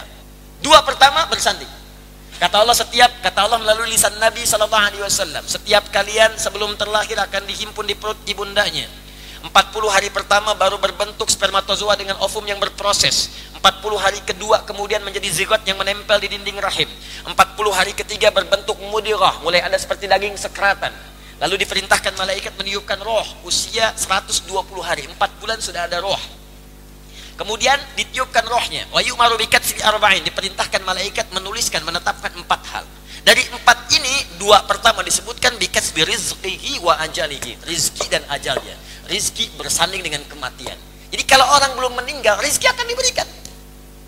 Makanya sifat rizki sama dengan kematian, sama-sama gaib. Sama-sama gaib, kita cari dulu kita usahakan. Kita menjemput kematian dengan beramal soleh, mencari rezeki pun dengan soleh. Gak ditampakkan. Kalau ditampakkan, Anda akan semangat kemudian untuk bekerja dalam kehidupan. Rizki antum misalnya 100 miliar. Malam ini udah diambil 990 99 miliar, 999 juta, ya 99 ribu rupiah. 99 miliar, 999 juta, 999 ribu rupiah, tinggal seribu dan tahu kalau itu diambil seribu meninggal apa anda pikir besok anda bekerja tidak itikaf di masjid Alexander. Astagfirullah astagfirullah. Ya. Mas kenapa? Pulang dulu istirahat. Tinggal seribu. Capek. Lemes tidur. Dibangunin. Plak. Kasih aku. Sedot. Sesedot meninggal. Eh, sifatnya lain. Jadi nggak usah takut dengan rizki nggak usah takut. Rizki itu teratur. Anda tinggal mau bekerja, bergerak, rizki diturunkan. Yang belum jelas itu surga kita. Kita cari. Ya hijrah. Nah, kak, di antara cara hijrah itu, nggak bisa langsung Anda kerjakan. Hijrah terbaik, belajar dulu lewat ilmu. Supaya beramalnya benar. Maka muncul kemudian kalimat dari para ulama, al-ilmu qabla al-amal. Ilmu dulu, baru beramal. Maksudnya amalnya disertai ilmu. Ya, tapi jangan lupa ini kalimat sering dipotong juga. Ada al-adabu qoblal ilmi, adab sebelum ilmu. Di kalimat ini dipotong, bilangnya al ilmu qoblal amal betul, tapi jangan lupa al-adabu qoblal ilmi, adab sebelum ilmu. Orang yang menghapus kalimat adab sebelum ilmu, langsung ilmu kemudian amal, itu biasanya berilmu tapi tak beradab. Itu yang bahaya. Ya. Nah, adab, ilmu, amal. Datang dia ke majlis ilmu untuk belajar. Ayatnya apa berbunyi? Teruskan ayatnya. Wa may yakhruj min baitihi muhajiran ila Allah wa Rasul thumma yudrikul maut faqad waqa'a ajruhu 'ala Allah. Siapa yang tergerak berhijrah? Ya Allah, saya banyak berbuat salah. Saya ingin berubah ya Allah, saya ingin tobat. Datang dia ke majlis ilmu, dapat info, Ustaz Fulan, berangkat dia di jalan. Sampai di jalan, thumma yudrikul maut, tiba-tiba datang maut menjemputnya lebih cepat dari apa yang ia duga mautnya tepat waktu. Dia duga-duga mungkin masih lama kemudian wafatnya. Ternyata maut datang lebih cepat dari apa yang ia duga. Meninggal di jalan. Apa kesaksian Allahnya? Perhatikan kalimatnya. Faqad pakai fa pakai qad. Fa-nya menunjukkan cepat harfu atin rabitin baina syai'aini bila hudud. Huruf yang merespon sesuatu dengan cepat tanpa jeda. Qad tahqiq, huruf yang menjamin kepastian. Maka kalimat yang diterjemahkan dengan kalimat berikut. Maka Allah menjaminnya dengan cepat dan pasti waqa ajruhu 'ala Allah. Dituliskan langsung pahalanya digugurkan dosa-dosanya. Kita cari itu. Nah, ini kalau kemudian tidak ditemukan yang seperti ini, ah, maka turun kemudian status syahidnya pada yang begini. Empat ini. Kalau masih ada buru, Pak, Bu. Teman-teman buru, coba dalam sepekan tuh, di mana ada majlisnya? Al-Ihsan, Al-Azhar, Baitur Rahim, Jannatul Firdaus, sana lagi terus. Coba cari yang lebih dekat dengan anda. Yang penting mudah-mudahan kita mau ikhtiar aja, nggak tahu kapan wafatnya. Penting ikhtiar. Ada amalan ini kejar. Mudah-mudahan saat wafat dalam situasi sedang ta'lim, wafat sedang sholat. Terus Walaupun naik misalnya ya bis kota, ya mau naik misalnya mobil-mobil dan online yang lain sebagainya, mau naik taksi, mau naik bis, usahakan di situ berzikir. Istighfar, subhanallah, masya Allah, astagfirullah, baca Quran. Kenapa? Mudah-mudahan saat wafat sedang zikir. Nah, ini jalan foto sini, foto situ. Halo, ceplik ini, ceplik itu, update status. Ketemu Ustadz bukan minta doa, minta foto. Antum buat apa? Buat bukti Ustadz di alam kubur.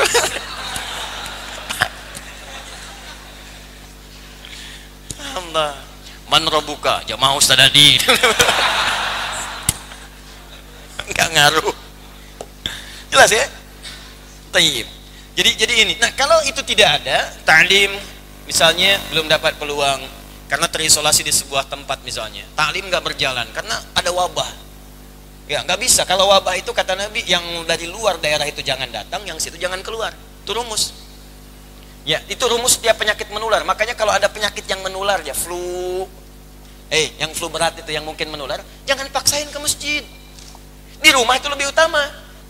Idza maridal abdu au safar kutiba lahu mithla ma kana alaihi muqiman sahihan. Hadisnya sahih. Jika seorang hamba sedang sakit atau bahkan sedang safar dan tidak bisa menunaikan amalan rutin yang selalu ia kerjakan, maka ketika ia mengerjakannya tanpa amalan rutinnya itu pahalanya tetap diberikan sempurna. Kalau ada seorang hamba sakit biasa ke masjid kena flu, flunya flu berat, yang kalau datang bisa menular, yang lain kena flu semua. Maksa lagi pengen di belakang imam. Imamnya kena flu juga. Besoknya nggak ada yang imamin celaka, cepi. Ya. Ya. Makanya tinggal di rumah. Saat di rumah itu Anda sholat padahal biasa ke masjid, pahalanya diberikan sesuai dengan yang biasa ke masjid. Pahala yang sama dengan ke masjid. Nah, ini mungkin karena ilmu ini belum sampai, makanya dipaksakan ke masjid. Kalau sudah sampai ilmunya di rumah aja nggak apa-apa. Ya. Papa ke masjid, Pak, pahalanya banyak. Mama, hadis Nabi. ya udah jangan deket-deket mama sana-sana. Misalnya. Nah, jadi itu. Jadi yang dari luar jangan masuk yang di dalam jangan keluar penyakit menular itu. Ini yang terkena wabah tiba-tiba meninggal kemudian. Makmun. Maka statusnya apa tadi? Syahid. Tapi bukan syahid dunia hanya akhirat saja. Itu pun statusnya di bawah yang tadi. Ya yang ta'lim yang syahid di medan perang itu masih di bawah. Jelas di sini? Mabtun yang wafat dalam keadaan terserang penyakit di perut. Sakit perut. Mah akut. Ya, termasuk perjuangan yang levelnya paling tinggi di sini seorang ibu yang tengah mengandung wafat. Ya melahirkan wafat. Uh itu tinggi bu pahalanya. Ibu nggak usah takut bu kalau sedang lahiran. Nggak usah takut. Ya nggak ada kaitan dengan kematian. Kematian itu tidak identik dengan lahir, lahiran kematian tidak identik dengan jantungan. Banyak orang sakit jantung masih hidup ya. Ada yang kutilan meninggal.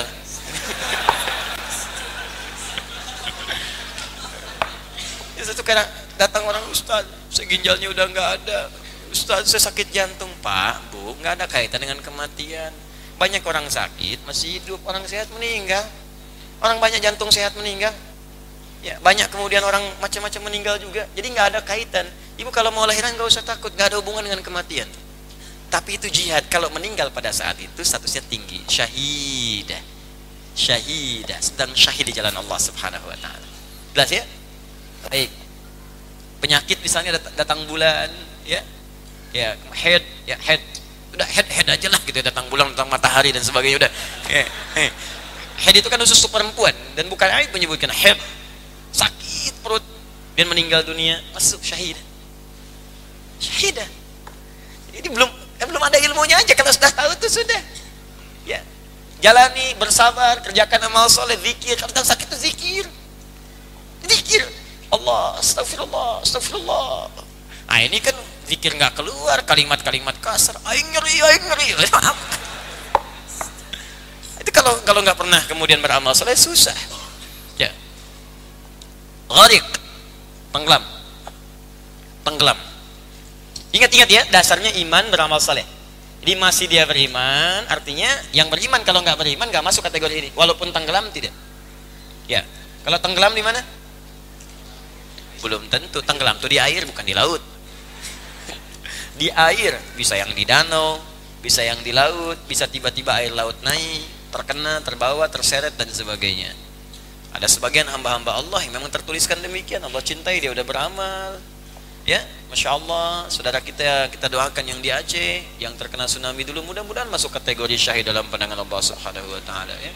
Kita melihat positifnya yang baik-baiknya, maksudnya berhusnudzan. Ya, jangan terfikir yang lain-lainnya. Kalau pelaku maksiat sedang maksiat kemudian terkena, ya sudah itu ajal bagian darinya. Ya itu bukan syahid lagi, pelaku maksiat sedang maksiat kena banjir syahid, bukan itu mah. Ya, bukan udah wafat aja itu. Selesai. Ya, tapi orang-orang yang sedang beriman, beramal saleh, mengerjakan sesuatu yang baik-baik, yang tidak sedang maksiat, ya maka masuk dalam kategori ini. Kemudian sahibul hadmi, yang tertimpa bangunan, runtuhan. Ya. Tapi dengan cara, awas hati-hati, yang tidak direncanakan. Memang tertimpa saja.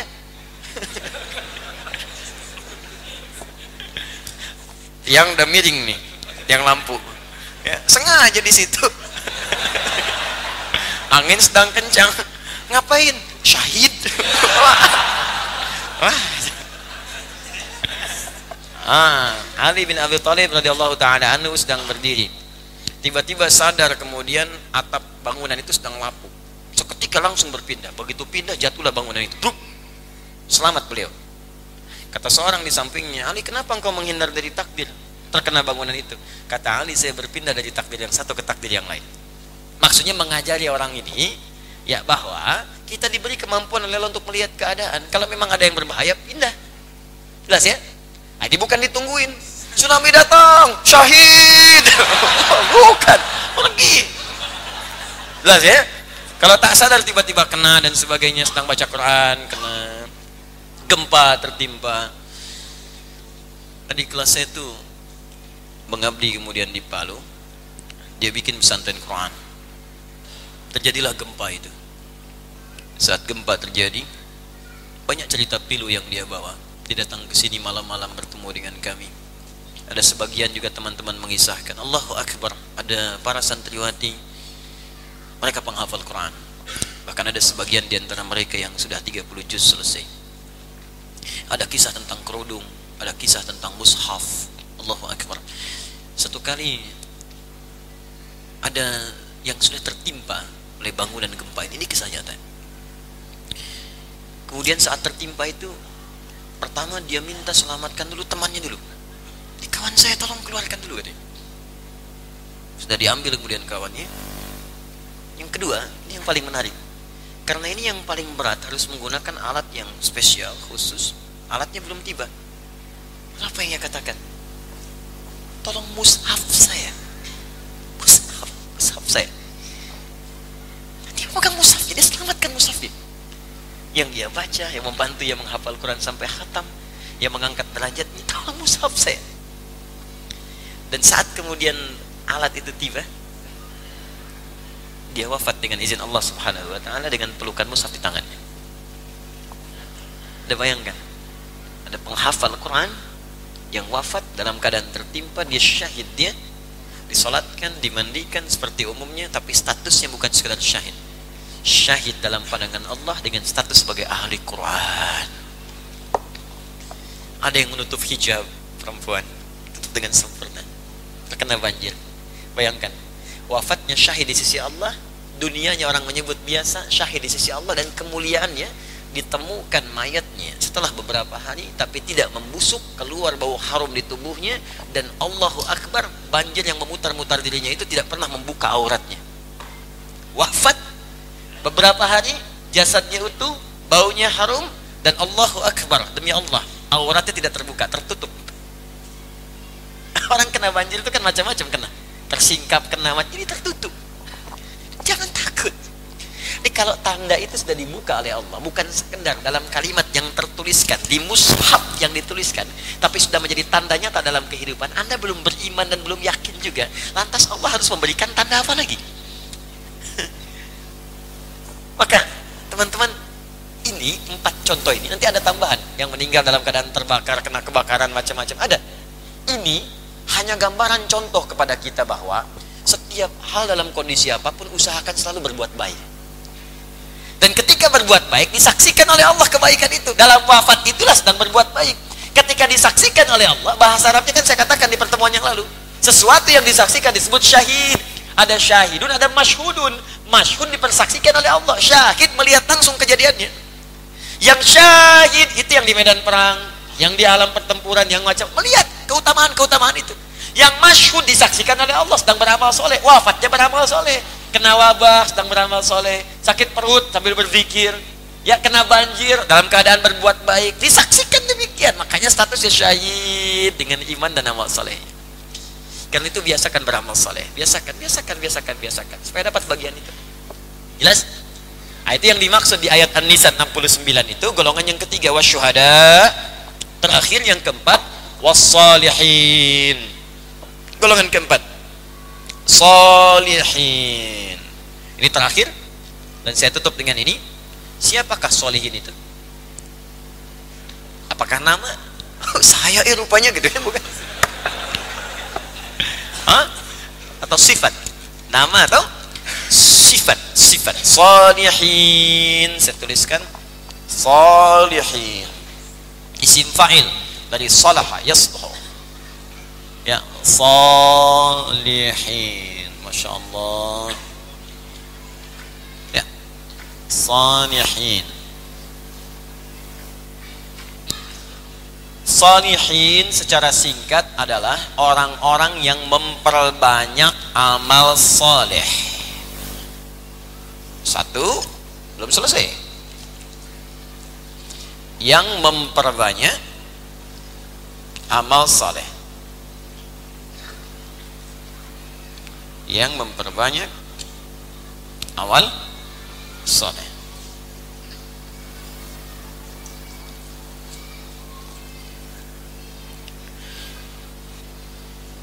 Satu amal disebut saleh kalau amal itu dikerjakan dengan iman karena Allah. Ya. Di amal saleh. Apa itu amal saleh? Amal itu artinya perbuatan. Jamaknya disebut amal. Jelas? Kalau perbuatan ini, amal ini dikerjakan dengan dasar iman karena Allah dasar iman karena Allah maka berubahlah pekerjaan ini amal ini menjadi soleh jelas tahan tahan karena itu dalam Al-Quran kalau ada kalimat amal soleh itu sering kali didahului dengan kalimat iman. Quran surah 103 wal innal insana lafi khusr. Illa alladzina iman wa amilus salihat. Amal saleh. Kapan sebuah amal pekerjaan menjadi saleh? Kalau didasari dengan iman. Karena Allah subhanahu wa ta'ala kalau pekerjaan itu aktivitas itu tidak didasari dengan iman maka kalimat solehnya hilang jadi amal saja jadi perbuatan rutinitas netral. Jelas? Ya, amal dibagi tiga bagian. Satu, nanti saya terangkan dengan detail. Ini pembuka dulu. Satu amal yang didasari dengan iman karena Allah. Jadi singkatnya pekerjaannya semua dikerjakan karena Allah. Ya semua, baik yang kecil atau yang besar. Maaf, makannya karena Allah, minumnya karena Allah, berpakaiannya karena Allah, bekerjanya karena Allah, Ya, salatnya karena Allah. Hati-hati. Zakatnya karena Allah, infaknya karena Allah, puasanya karena Allah, hajinya karena Allah. Semua lillah. Maka ketika pekerjaan dikerjakan karena Allah, iman. Dasar iman itu pertama karena Allah. Ya, jelas ya? Nah, ketika dikerjakan karena Allah, maka berubah amalnya menjadi apa? Saleh. Kalau pekerjaan itu dikerjakan bukan karena Allah, minum hanya untuk menghilangkan haus saja Mau Allah ridha mau tidak yang penting haus hilang. Makan untuk menghilangkan lapar saja. Bekerja hanya untuk dapat uang saja. Awas. Belajar hanya untuk dapat sertifikat saja, ijazah saja. Yang penting lulus. Ya. Iman karena Allahnya nggak ada. Dasar lillahnya nggak ada. maka amalan itu netral. Pahala tidak didapatkan, hati-hati. Dosa pun tidak diraih. Di situ saja standar. Yang soleh tidak. Ketika jadi soleh, maka pahala didapatkan naik, punya sifat pahalanya. Dunianya dapat. Fungsi minum menghilangkan haus. Ini ketika anda minum, haus hilang. Kalau diniatkan karena Allah plus haus hilang, pahala dituliskan. Soleh namanya. Enggak, anda kerjakan karena Allah, yang penting minum. Hausnya hilang, cuman pahala enggak ada. Paham bedanya? Yang ketiga, jika amal itu saat dikerjakan menyalahi ketentuan Allah. Menyalahi ketentuan Allah. Kalau yang pertama diniatkan karena Allah, yang kedua nggak ada niat karena Allah dan tidak menyalahi ketentuan Allah. Minum, minum, makan, makan. Pahala nggak dapat, dosa nggak ada. Yang ketiga dikerjakan pekerjaan itu dan menyalahi ketentuan Allah. Kata Allah jangan makan yang haram, dimakan yang haram. Makanan itu menghilangkan lapar, tapi cara makannya menyalahi ketentuan Allah. Hasil korupsi, ya kan? Hasil menipu, nyogok, makan riba, macam-macam. Menyalahi ketentuan Allah. Maka yang ketiga ini amalnya disebut amal salah. Ya, ada soleh, ada salah. Bahasa Qurannya sayyi, jamaknya sayyiat. Sayyiat, ya, awas, awas. Motivasinya disebut su. Kalau masih terasa ada rambatan di jiwa disebut fujur. Ah, pulang dari sini sepatu bagus tuh, sepatu bagus. Sepatu bagus. duduk dekat sepatu. Nah, itu rambatan. Lihat ke mata, perhatikan baik-baik. Awas, awas, awas, awas, awas. Ya. Sepatu, sepatu. Nah. Keluar tuh itu fujur. Begitu kemudian akan terjadi di eksekusi berubah jadi su. Ya, awas, awas, awas, awas, awas. Wa nafsi wa ma sawaha fa'alhamaha fujur. Nah, Itu rambatan keburukan. Kemudian tiba-tiba mata langsung fokus, ingin dieksekusi. Nah, itu jadi su. Su, dari nafsu turun kemudian naik ke mata, naik ke tangan, naik ke macam-macam. Ingin dieksekusi jadi su. Nah, nama lain fujur nafsu, Quran surah ke-12 ayat 53. Ya. Wa ma ubari'u nafsi innan nafsa la ammaratum bisu. Kalau dikerjakan su itu berupa banyak, langsung diambil. Banyak terjadi perbuatan, ngambil lagi, ngambil lagi berubah jadi sayyiat. Sayyiat. Dia masalah. Maka coba cek dalam sehari kita bekerja, beraktivitas. Mohon maaf, saya ingin sampaikan berapa pekerjaan kita yang sudah berubah menjadi soleh. Ya, apakah bangun dari tidur sudah amal soleh? Ke kamar mandi jadi amal soleh? Ya, bekerja jadi amal soleh. Antum tuh yang kerja puluhan tahun sampai sekarang pensiun. Berapa tahun yang kemudian jadi amal soleh? Ah. Antum yang belajar tuh sampai sekarang mau wisuda sebentar lagi. Berapa yang jadi amal soleh? Ah. Antum yang berdagang selama ini berapa yang jadi amal soleh? Antum yang berusaha berapa jadi amal soleh? Yang punya kedudukan berapa yang jadi amal soleh? Antum wafat, meninggal antum. Saya, anda, kita meninggal. Makanya sering saat sebelum istirahat, kecermin lihat, wafat kamu gitu. Wafat. Berapa bekal yang kamu bawa? Anda pengen ke surga, bekalnya amal soleh. Surga pertama ketika disebutkan dalam Quran Al-Baqarah ayat ke-25 itu langsung disebutkan bekalnya. Wabashiril ladzina amanu wa amilus solihat. Kata Allah berikan kabar gembira pada orang beriman, punya iman dan dengan iman itu dia memperbanyak amal soleh. Dasarnya iman, beramal soleh. Annalahum jannatin tajri min tahtihal anhar. Berikan gembira, kabar gembira pada mereka, aku telah siapkan ragam surga untuk tempat mereka pulang. Iman amal soleh. Dan kita akan wafat. Maka apa yang sudah kita siapkan untuk pulang? Saya sering katakan menyiapkan akhirat itu dunia akan ikut. Gak usah takut dengan dunia, dunia ikut. Dunia ikut, tapi kalau ngejar dunia saja, akhirat belum tentu ikut. Ya, antum datang ke sini, akhirat kan, dunia ikut. Apa dunianya? Uh, masya Allah, ada snacknya. Huh? Ada yang jualan di luar. Macam-macam banyak. Jual ini, jual itu, ini itu kan dunia tuh, dapat juga.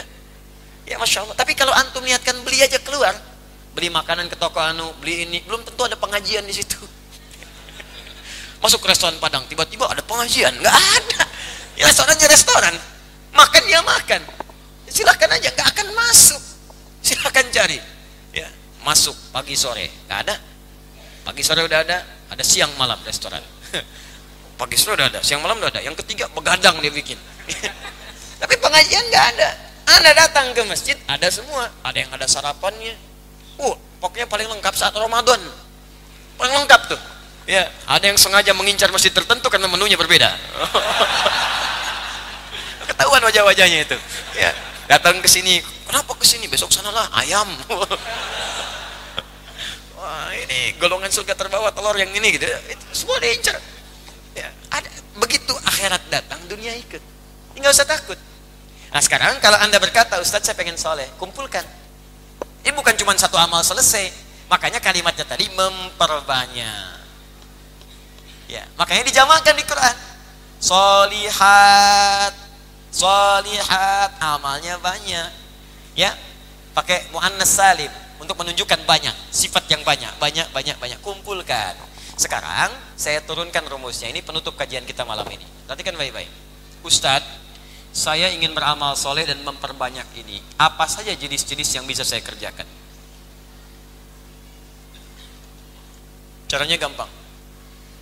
Keluarkan kalimat iman dalam Al-Quran. Itu pasti setelahnya amal soleh. Keluarkan kalimat iman dalam Al-Quran. Itu pasti setelahnya amal soleh. Anda sambil baca Quran menemukan kalimat iman. Mau bentuknya kata kerja, kata benda, setelahnya pasti amal soleh.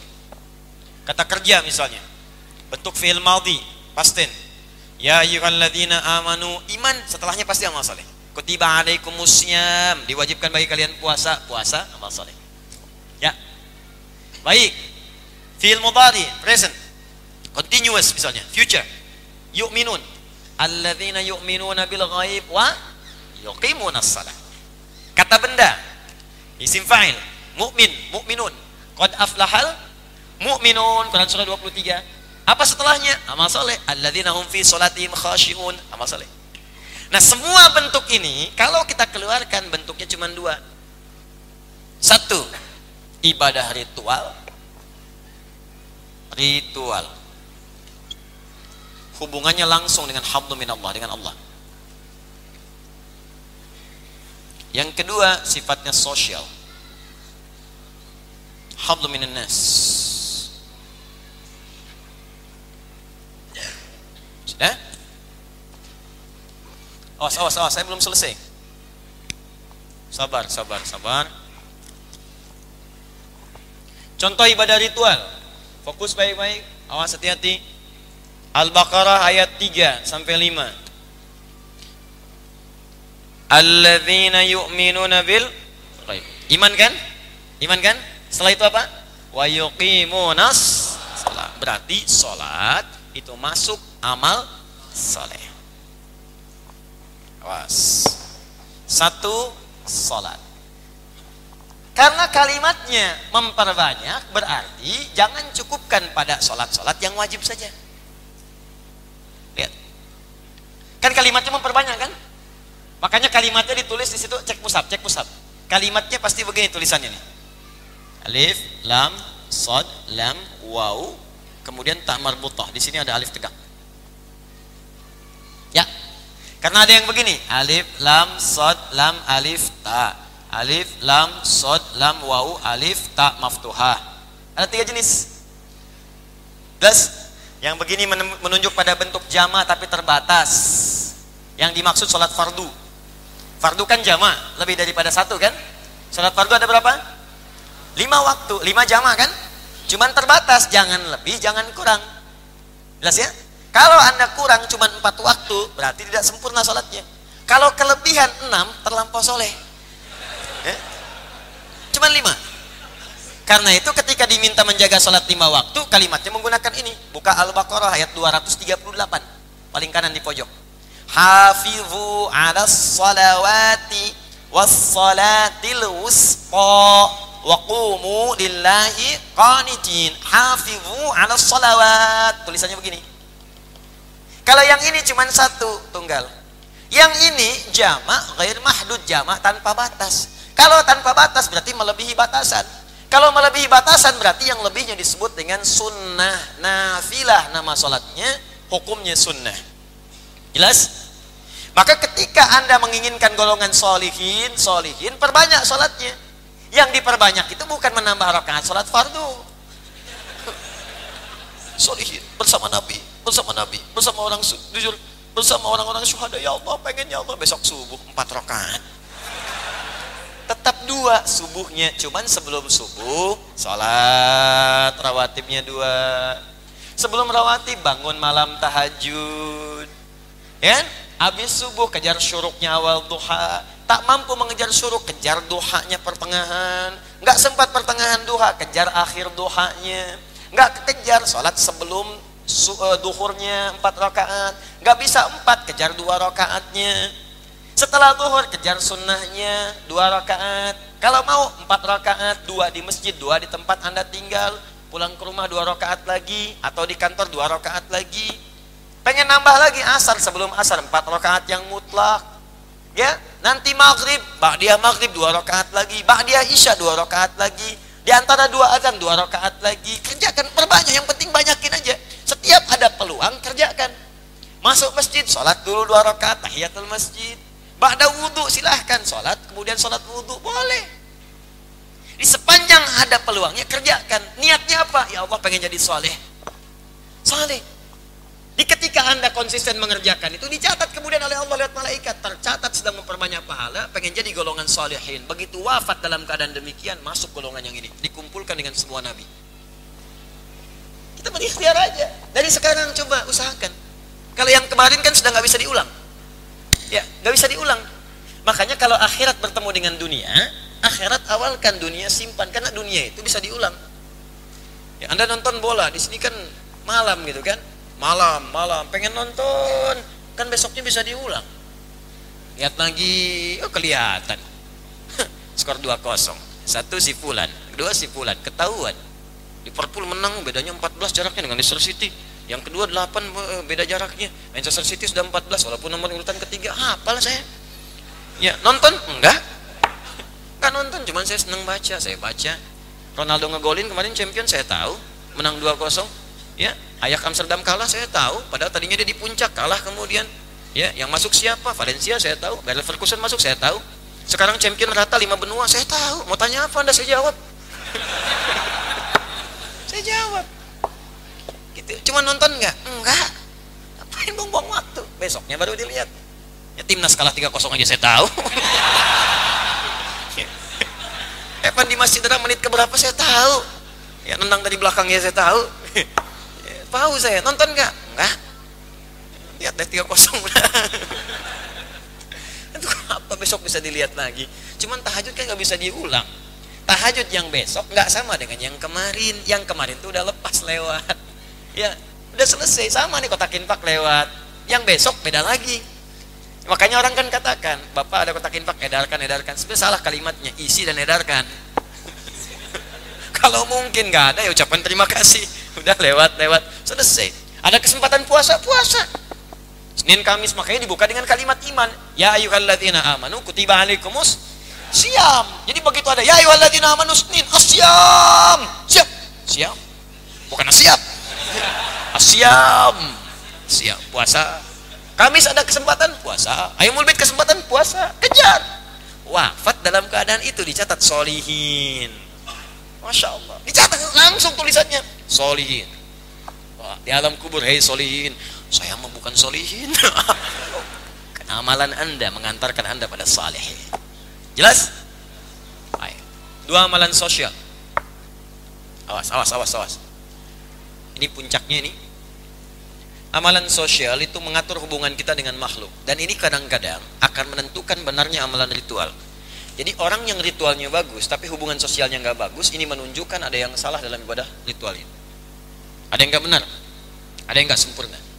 Contoh amalan sosial dibuka dengan kalimat iman di Quran Quran surah ke-49 ayat 11 sampai 12 ya ayyuhalladzina amanu la yasra qaumin qaum Hei orang-orang yang masih merasa beriman, iman dulu kepada Allah. Kumpulkan amal soleh. Apa di antaranya? Kata Allah jangan saling mencela.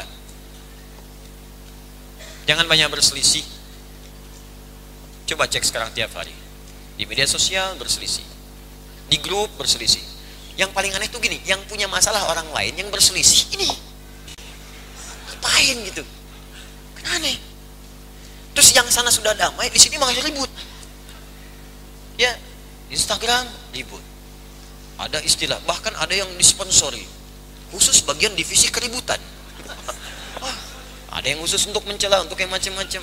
amal salah yang dipersiapkan dosanya dua kali lipat dari yang tidak sadar dikerjakan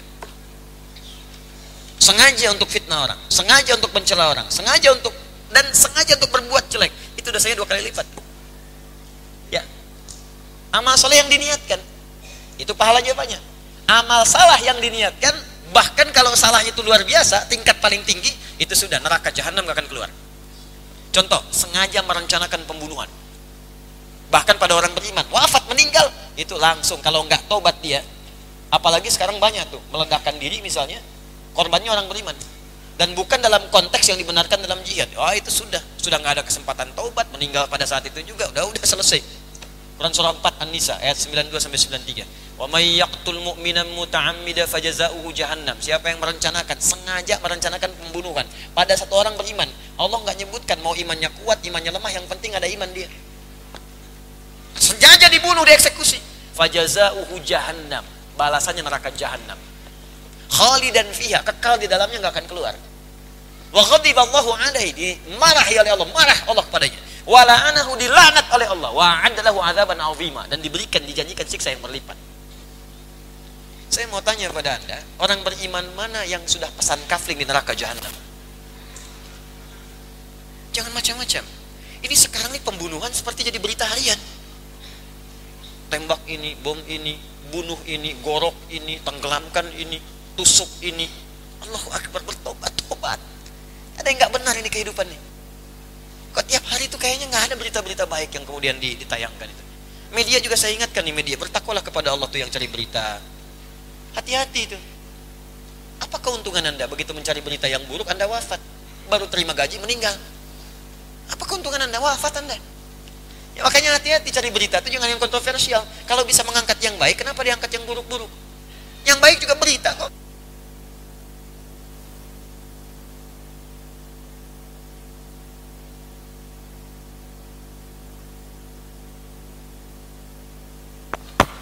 Tuh.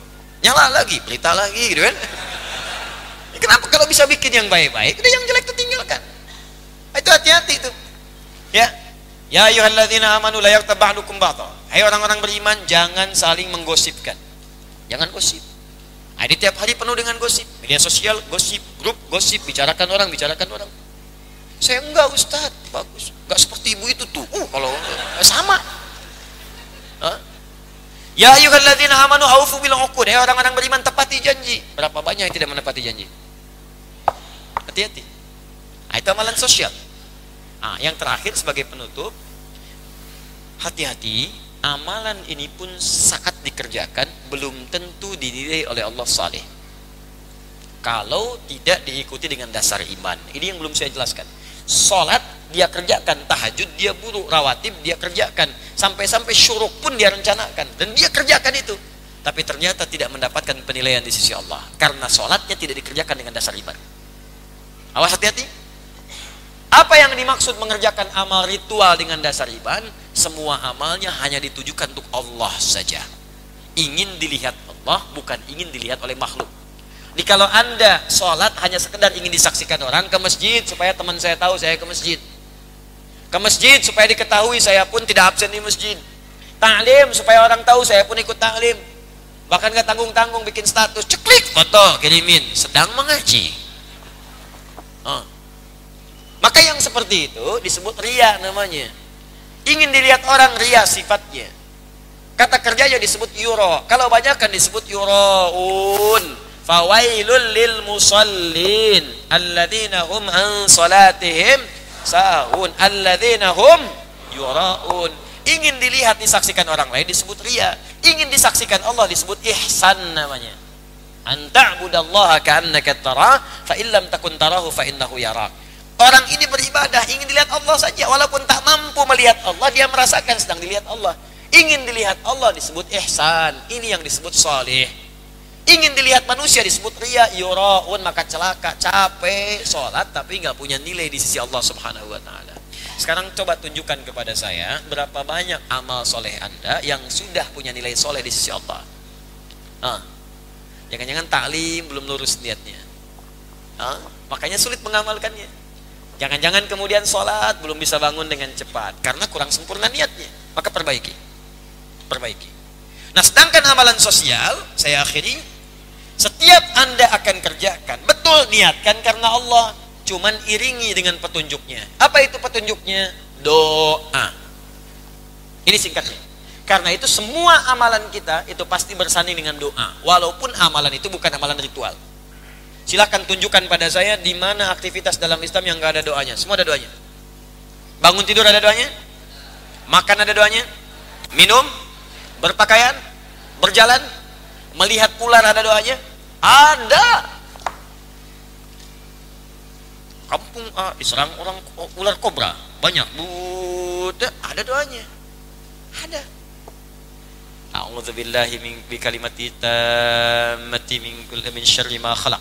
Saya berlindung kepada Allah dengan semua kesempurnaan kalimatnya dari kejahatan makhluk-makhluknya, termasuk binatang di situ. Ya, kata Nabi ingatkan dia sampai tiga kali, usir, usir, jauhkan, jangan dibunuh dulu. Usir, usir, usir, usir, usir. Kalau tetap gaya ada di situ, bunuh kata Nabi. Ya, fahuwa kafirun, maka dia terhalang dari nilai-nilai kebaikan. Maksudnya apa? Mungkin membahayakan. Ya, kalau kita bisa usir dia, jauhkan, jauhkan, jauhkan. Atau panggil pawang, tangkap dia, jauhkan dari kita. Usir. Tapi kalau tetap bertahan di situ, kata Nabi, bunuh dia. Khawatir membahayakan dalam kehidupan kita. Bisa jadi memang hewan yang berbahaya, bisa jadi jin yang dalam bentuk hewan. Jelas sampai situ? Baik, ada doanya. Ke masjid ada doanya. Masuk ada doa. Keluar ada doa. Ada urusan toilet aja ada doanya. Ya, masuk dengan keluar beda. Nah, doa itu yang menjadikan perbuatan soleh. Kalau tak hafal doa, gampang supaya jadi soleh kata Nabi. Kalau nggak hafal doa, ucapkan Bismillahirrahmanirrahim. Kepanjangan Ustadz, Bismillah. Panjang juga Ustadz, keterlaluan. Kullu amrin dzibalin la yubda'u fi bismillahirrahmanirrahim fa abdar. Setiap perbuatan baik yang tidak diawali dengan bismillahirrahmanirrahim maka terputus nilai pahalanya. Tidak jadi solehnya. Minum fungsinya menghilangkan haus. Saya mau minum, ucapkan bismillah. Maka seketika hausnya hilang dan dituliskan pahalanya 10 poin. Belum jelas Ustaz. Nih saya tunjukin contoh nih. Bismillah. Alhamdulillah. Jelas?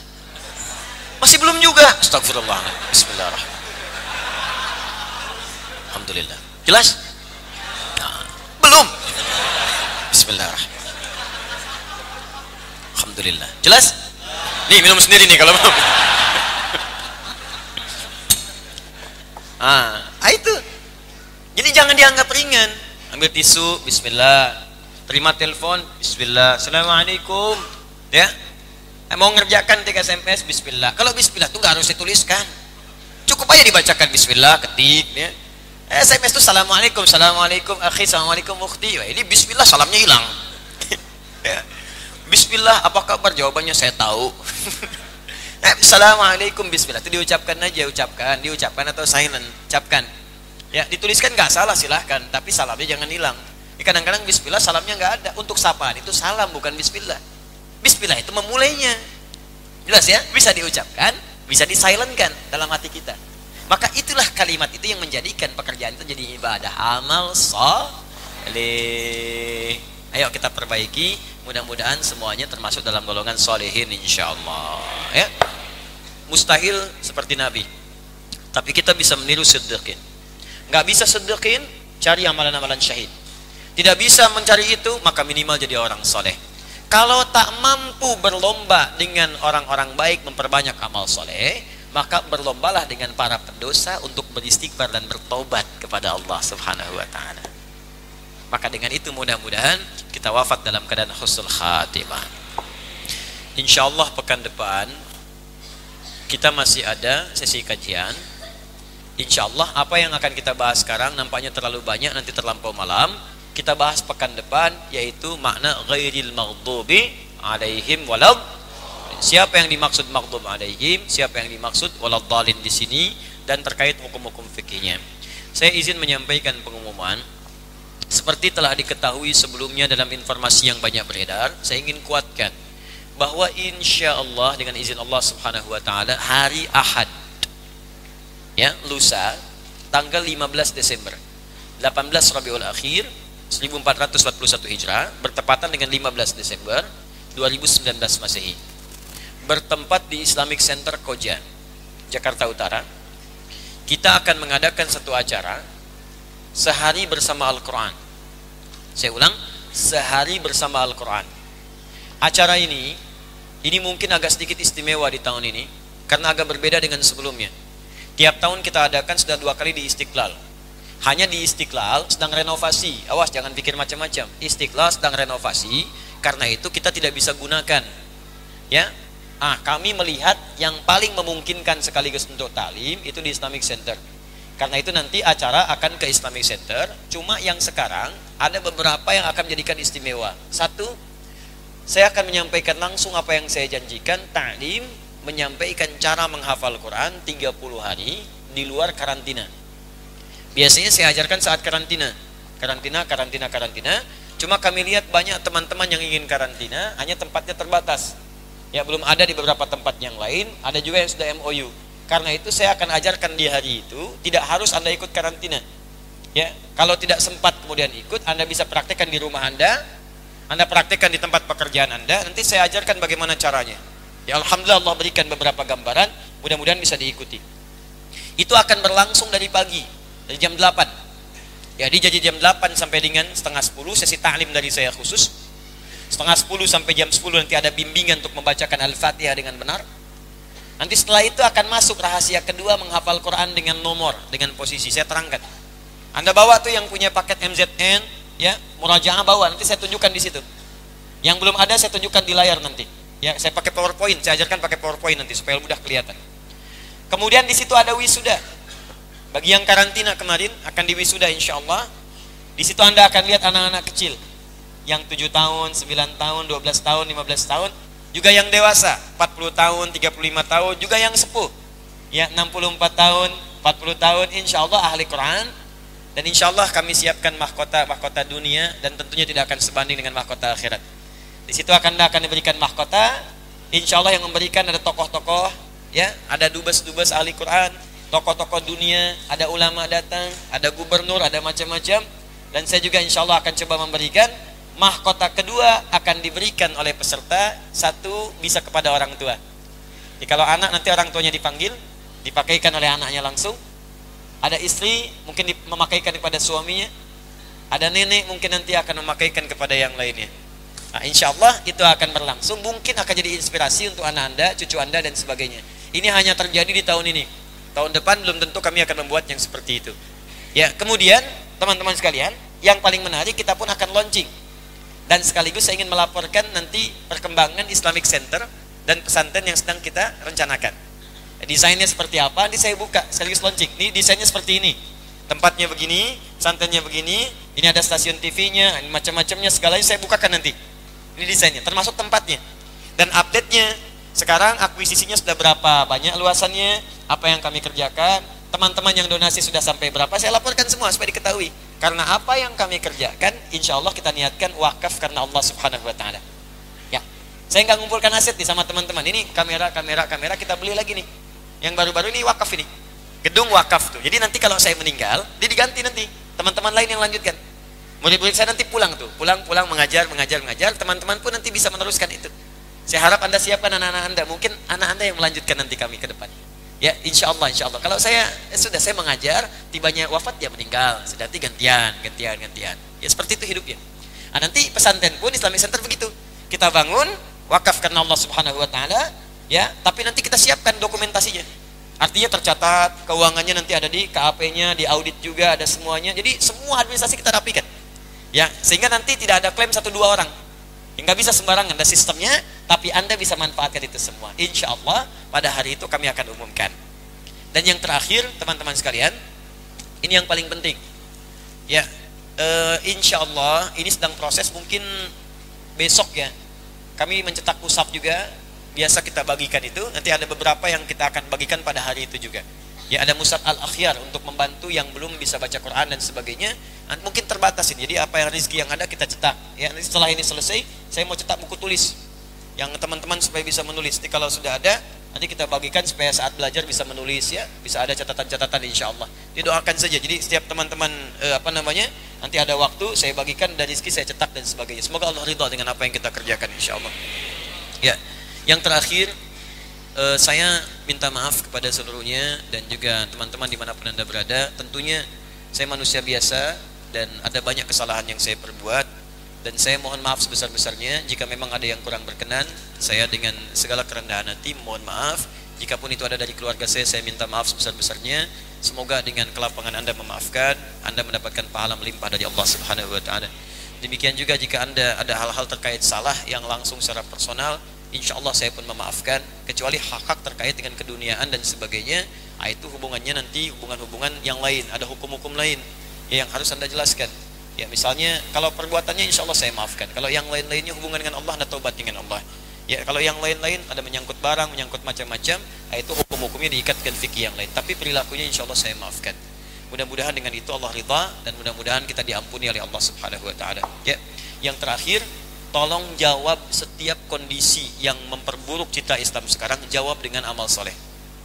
Ya tolong jangan sampai kita terprovokasi dengan benturan-benturan. Ini saya mengamati ini kayaknya ada kondisi-kondisi seakan-akan kita ini harus berbenturan satu dengan yang lainnya. Tolong tinggalkan jauh. Kita jawab dengan amal soleh saja. Jadi kalau ada orang bikin isu yang tak jelas tinggalkan. Kalau ada orang komentar tentang belum paham tentang Islam komentar tentang apa pun yang buruk jawab jelaskan itu dan cukup jauhi perdebatan dan sebagainya. Supaya niat beberapa orang ingin mengadu umat Islam satu dengan lainnya atau ormas atau apa pun, kita bisa cegah itu. Kita ingin negara kita kuat, kita ingin tidak ada kerusuhan, kita ingin ada kekuatan-kekuatan dan yang paling penting beramal soleh niat ikhlas karena Allah Subhanahu wa taala. Jelas insyaallah?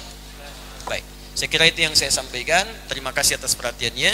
Kita harapkan semoga Allah meridhai apa yang kita lakukan insyaallah. Allahumma taqabbal minna innaka antas samiul alim wa tub alaina innaka antat tawwabur rahim. اللهم ربنا آتنا في الدنيا حسنة وفي الآخرة حسنة وقنا عذاب النار. اللهم علمنا ما ينفعنا علمنا ما جهلنا فهمنا بما تعلمنا وفقنا لنعمل ما تعلمنا به. اللهم اجعلنا من أهل القرآن. واجعل القرآن صحيبا لنا في الدنيا وشفيعا لنا في الآخرة يا رب العالمين اللهم أصلح أحوالنا ما يقربنا إلى رضاك إذا كان هنالك من بقية أيامنا فاجعل بقية أيامنا يا الله حياة طيبة وآخر حياتنا حسن الخاتمة Ya Allah kami mohon kepadamu Anugerahkan kami pengetahuan yang bermanfaat Ajarkan kepada kami permohonan pengetahuan yang mengentaskan kebodohan kami Berikan kami bimbingan untuk memahami apa yang kami pelajari Berikan kami taufik untuk mengamalkan apa yang telah kami pahami Allahumma ya Allah Jadikan ilmu yang telah kami pelajari Merubah hidup kami lebih baik dalam pandanganmu Jika ada hari esok terbentang Ya Allah jadikan sisa hidup kami lebih baik daripada sebelumnya. Bila pun kami harus menghadapmu Ya Allah jadikan wafat kamu sebagai wafat kami sebagai husnul khatimah. Ya Allah jadikan kami sebagai bagian dari ahli Quran. Jadikan Quran teman kami di dunia Syafaat bagi kami di akhirat dengan izinmu ya Rabbal Alamin. Pertemukan kami dengan Rasulullah Sallallahu Alaihi Wasallam Di surga terindahmu surga Firdaus yang kau ridai Allahumma bifadlika subhana rabbika rabbil izzati amma yasifun وسلام على المرسلين سبحانك اللهم وبحمدك أشهد أن لا إله إلا أنت نستغفرك ونتوب إليك وآخر دعوانا أن الحمد لله رب العالمين السلام عليكم ورحمة الله وبركاته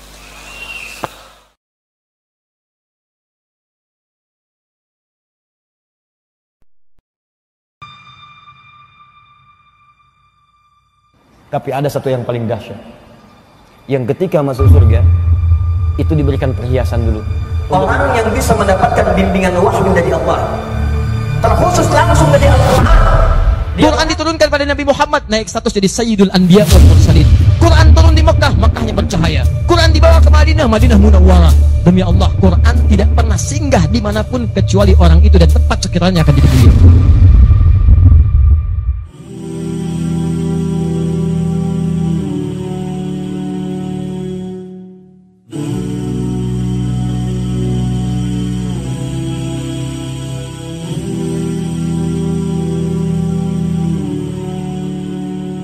Di dunia ahli Quran itu kemuliaan Qurannya akan merembet pada sekitarannya. Silahkan cek kalau nggak percaya.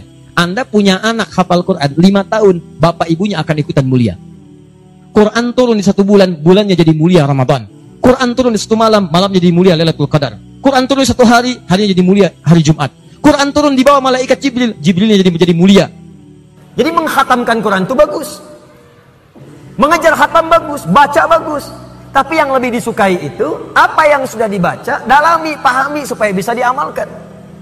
Maka saya yakin alumni-alumni Quran dari program ini insya Allah akan memberikan yang terbaik untuk bangsa kita. Siap insya Allah? Akan lahir insya Allah pemimpin yang terbaik yang hafal Quran. Siap? Pengusaha yang hafal Quran. Siap? Dokter yang hafal Quran. Siap? Takbir! Takbir! Takbir! Tanggal 15 Desember Jam 8 sampai jam setengah 12 Akan berkumpul ahli Quran se-Indonesia. Ada yang hafal Quran 15 hari 18 hari 22 hari. Nanti saya tunjukkan pada anda yang istimewa. Perempuan hafal Quran 7 hari 30 juz mungkin Anak kecil 7 tahun hafal Quran Dengan nomornya, posisinya, ayatnya, maknanya, temanya. Mereka akan berkumpul di Islamic Center Koja, Jakarta Utara. Terbuka untuk umum di situ akan ada ulama-ulama ahli Quran, duta besar negara sahabat, dan di situ akan diajarkan rahasia bagaimana menghafal cepat Quran 30 juz dalam 30 hari. Dan Anda bisa hafalkan di rumah, dihafalkan di kantor, dihafalkan di jalan. Kalau konsisten, insya Allah 30 hari bisa hafal Quran 30 juz. Ya, kalau Anda ada kesempatan, silakan hadir. Itu hanya sekali dalam setahun momennya. Sekali dalam setahun, ya. Insya Allah kita bertemu. Sebelum sampai ke sana, kenali dulu teman-teman hal-hal yang halal yang disampaikan di sekitaran kita ini dan mudah-mudahan keberkahan diberikan kepada kita semua insya Allah. Jumpa insya Allah tanggal 15. Assalamualaikum warahmatullahi wabarakatuh.